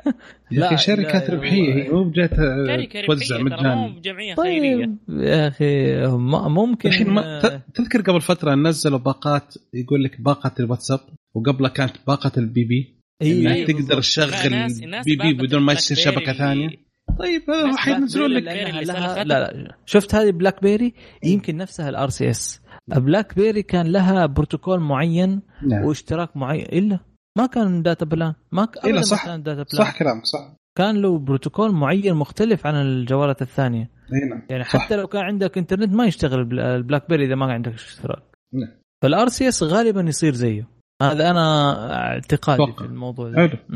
وعلى فكرة ترى الغريب إنه في بعض المواقع مو كاتبين كثير شيء عنه يعني almost نفس اللي قلناه إحنا وشوية فيها details لكن ما هم كاتبين الشيء الفني يعني. فأحسه شوية ما هو منتشر الوضع ده شوية بس لسه جديد لسه أطلقوه في 2000 نهاية 2016 يعني تقريبا له سنة وشوية. يعني يبغى له وقت على ما ينتشر على ما يتجرب على وإلى الآن ترى ما قالوا شيء عن الإنكربشن إذا كان في شيء إنكربشن أو شيء ابدا ما كتبوا عنه في الموضوع التشفير موضوع الخصوصية موضوع ال bugs اللي فيها أو السايبر أو ال security bug اللي فيها. يعني وهل يمكن بعدين يستخدم كوسيلة دخول الجهاز أو كل شيء؟ ممكن. الهاكرز قاعدين يستنون أي شيء أي فرصة بس؟ بالضبط. نجي ندخل ما عندنا مشكلة.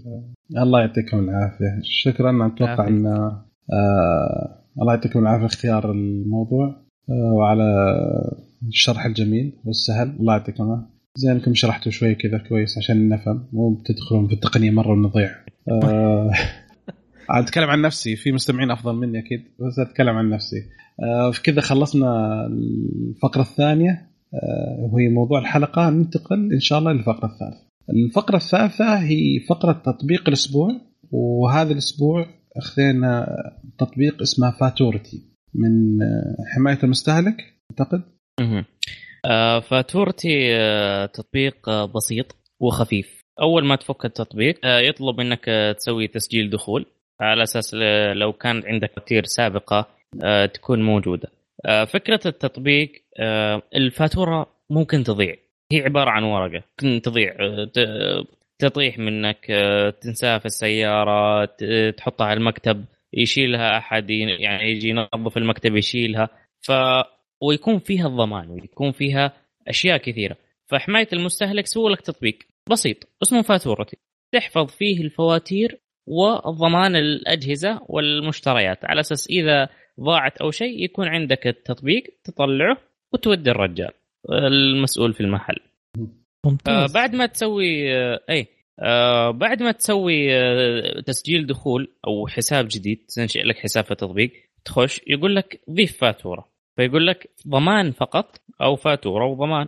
إيش أنت اللي تبغى؟ فمثلا خلينا نقول فاتورة وضمان. حلو. حط رقم الفاتورة واسم المتجر وتاريخ الفاتورة عنوان المتجر تصنيف إيش تصنيف الفاتورة هذه؟ أدوات منزلية أجهزة إلكترونية جوالات أدوات كهربائية معدات رياضية قطع غيار لوازم مكتبية مم. إلى آخره. وبالإضافة إنه يمديك تضيف تصنيف خاص. بعدها تحط ملاحظات والضمان إضافة ضمان. إذا كان في ضمان على المنتج فأنت تضيف الضمان مثلا كم شهر كم سنة كم مدة الضمان بالتحديد. وبفوق في البداية مرة فيه التقاط صورة وإختيار صورة. اللي هو تضيف صورة للمنتج أو للفاتورة نفسها. وبعدها تسوي إضافة. وينحفظ معاك الفاتورة هذه. حلو. طيب بعدين والله انحفظت معك الفاتورة الحمد لله. آه ضاعت الفاتورة أو أي شيء حصل لا سمح الله ترجع للتطبيق تحصلها موجودة. وفي حفظ تلقائي للفواتير يسوي لها مزامنة. آه لما تيجي مثلا تبغى الفاتورة تضغط عليها في قائمة الفواتير عندك تضغط على الفاتورة اللي تبغاها. يكون عندك خيار يا تحملها يا تطبعها يا ترسلها وبالإضافة لأن بياناتها تكون موجودة عندك أو إنك تحذفها أو تعدل عليها. حلو. في القائمة الأساسية للتطبيق يكون عندك الملف الشخصي وفواتيرك واتصل بنا اللي هو الدعم للتطبيق حلو. وسياسة الاستخدام والخصوصية ومن نحن تعريف بالتطبيق وتعريف بحماية المستهلك بالاعدادات وتغيير اللغة وتسجيل الخروج. بالإضافة لأنه عندك تنبيه. إذا مثلا انتهى ضمان شيء معين يطلع لك تنبيه بأنه المنتج الفلاني أو الفاتورة الفلانية انتهت. بالإضافة لأنه فيه مجموعة كبيرة من الرسائل التوعوية حاط لك رسائل توعوية منشورات أو بروشوت. مثلا في عندك عن مميزات السلامة الأساسية في السيارات المواصفات المطلوب والمقاييس المطلوبة.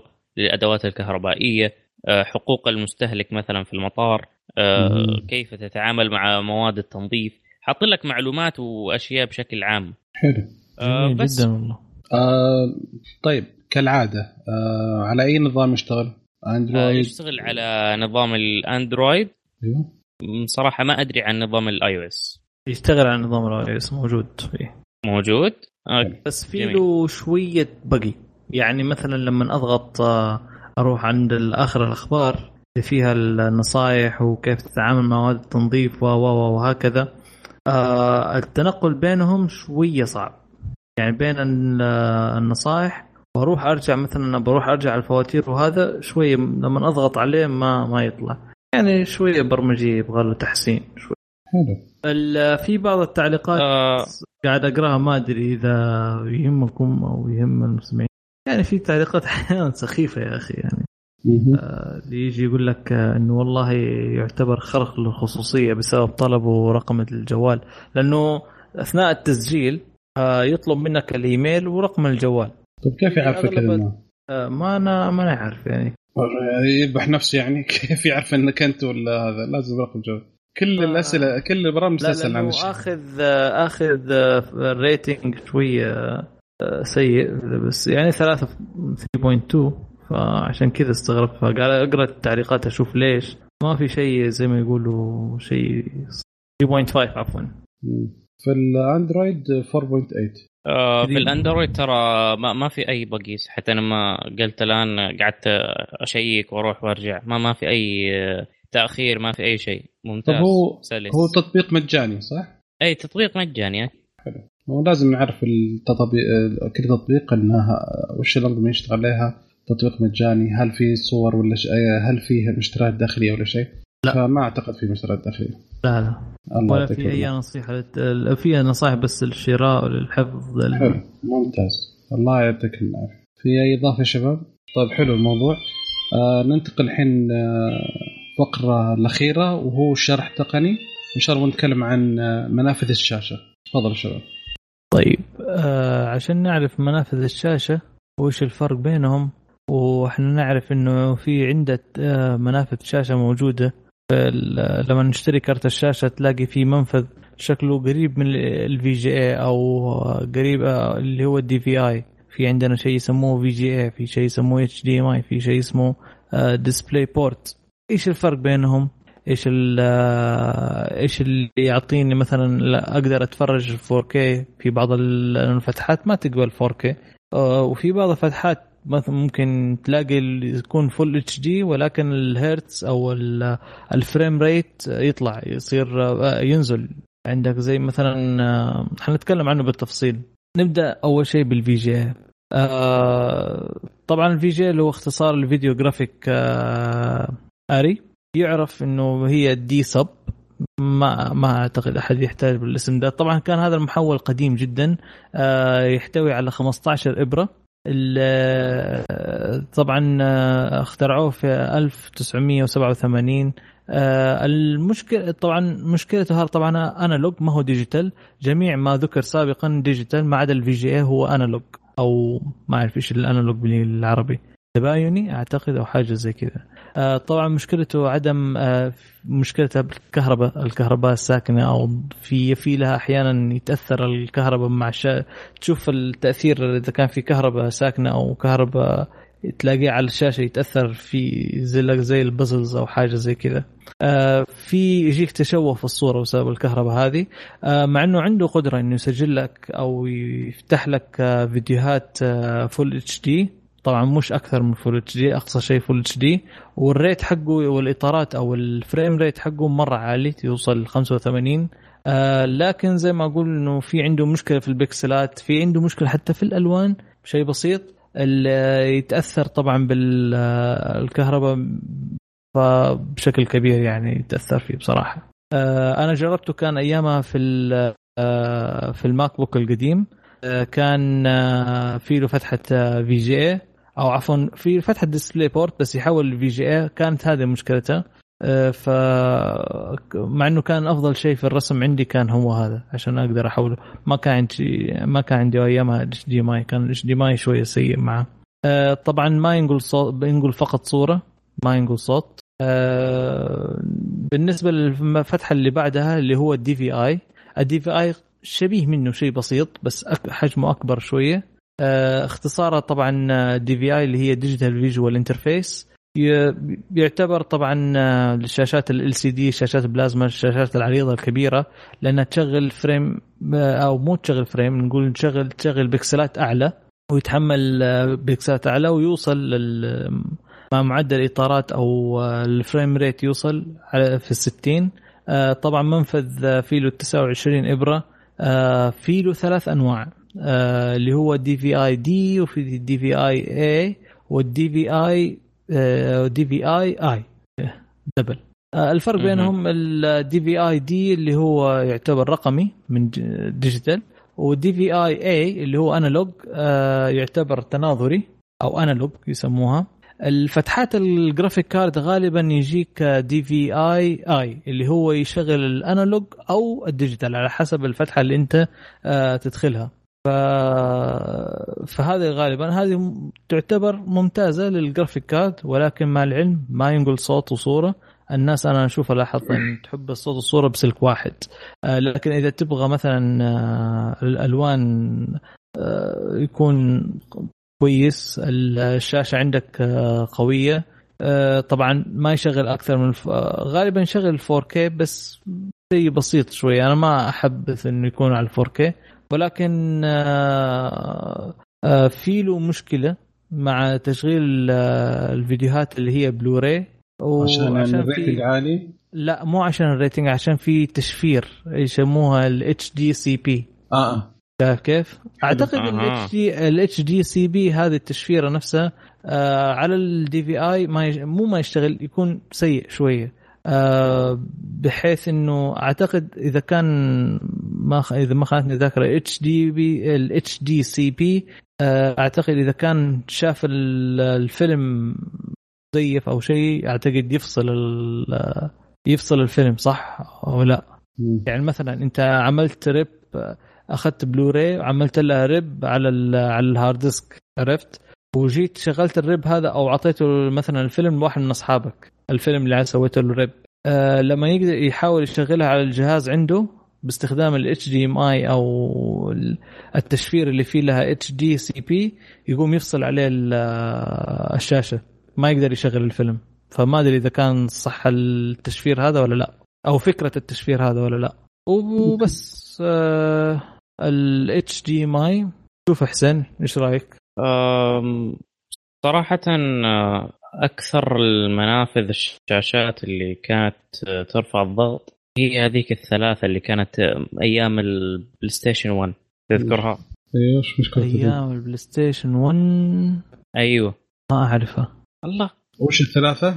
أنا ما كان عندي PlayStation على فكرة. أنا أول PlayStation في الحياة بالضبط أنا PC كنت PC gamer وش بس PlayStation ما عمري اشتريت إلا PC PS 4 هذه أول وحدة في حياتي. أنا أعتذر وأنا آسف. انهي ما أعرف انهي الحلقة. انهي الحلقة. والله ما أعرف إيش ال... وش الكابل الثلاثة اللي واحد أحمر وأصفر أيوة. وأزرق؟ أيوه. اوه هذا ال VG. هذه ترفع الضغط. هذه يا حبيبي بالذات إذا جاك واحد وانكسر جوا. آه. تعال طلعها. هي هذا ال VG هذا صح مزبوط وفي ال VGA الموجود حاليا في اللابتوبات حق المدرسين هذا. موجود. أيوه حق المدرسين. لا زال يؤدي غرضهم ترى. آه لا زال يؤدي بس مثلا الأشياء العرض أو مع العرض. في دحين النازل الحين الاتش دي ام اي طبعا الاتش دي ام اي اغلب المنافذ الموجودة طبعا في اللابتوبات. آه طبعا اختصار اللي هي High Definition Multimedia Interface طبعا آه، حلاوة ال HDMI هذا آه، إنه صوت وصورة وعشان كذا الناس أكثر شيء مستخدمينه. آه، صدر في عام 2001 كان ال version 1.2 آه sorry 1.0 آه طبعا منفذ كان يحتوي على 19 إبرة وكان في أنواع اللي هو الاي الاي والسي والدي آه في فئة B وهذه غالبا نادرا ما حد يشوفها. آه فيها 29 إبرة تلاقيها شوية كبيرة. عرفت كيف؟ شوية عفشة. بس قليلة من الناس اللي يعرفوا هذه. وتقريبا كان ال 1.0 أعتقد ما تطور بعدها آه في بالنسبة لل HDMI ال A وال C وال D نزل منها آخر إصدار هو الحالي اللي هو 2.0 A آه هو هذا اللي يدعم تشفير اللي هو HD CP طبعا آه عنده دقات عالية يدعم ال 4K معدل آه، معدل تقريبا آه، اللي هو 60 frame. آه، في شخصيا أنا عندي شاشة 4K يقبل ال 60 frame لكن تورطت مع ال HDMI 1.5 اعتقد ال HDMI حقي. فوصل أقصى شيء عندي ال frame rate حقي 30 frame فاضطريت أغير ال HDMI بعدين ضبط معي الموضوع. ف وبس هذا هي. هذه بالنسبة لل لل HDMI هذا لا ال HDMI الحين. أها. لسه في منفذ ثاني آه اللي هو ال DisplayPort أو ال DP طبعا هي ال DisplayPort أنا أشوفه أفضل من ال HDMI شخصيا أنا. آه ويدعم على فكرة صوت وصورة. ما أنا أشوفه شخصيا أفضل لأنه ال reliability أفضل. من شفته بالنسبة للألوان شفتها أفضل. آه، طبعا الشركة اللي مسويتها أو اللي مطورينه آه، شركة اسمها أو ال association اللي مسوينها اللي مسوينها اسمها VESA هي Video Electronics Standards Association سوت سوت ال DisplayPort. طبعا سوت ال DisplayPort اللي نعرفه إحنا الكبير. وفي ال DisplayPort الصغير اللي شبهه شبه ال Thunderbolt نفس الفتحة تقريبا. إذا تعرف ال Thunderbolt أي أي. آه وتقريبا الصغير يحتوي على 20 إبرة. وطبعا يدعم ال 4K بشكل كويس. طبعا الجديد مش القديم.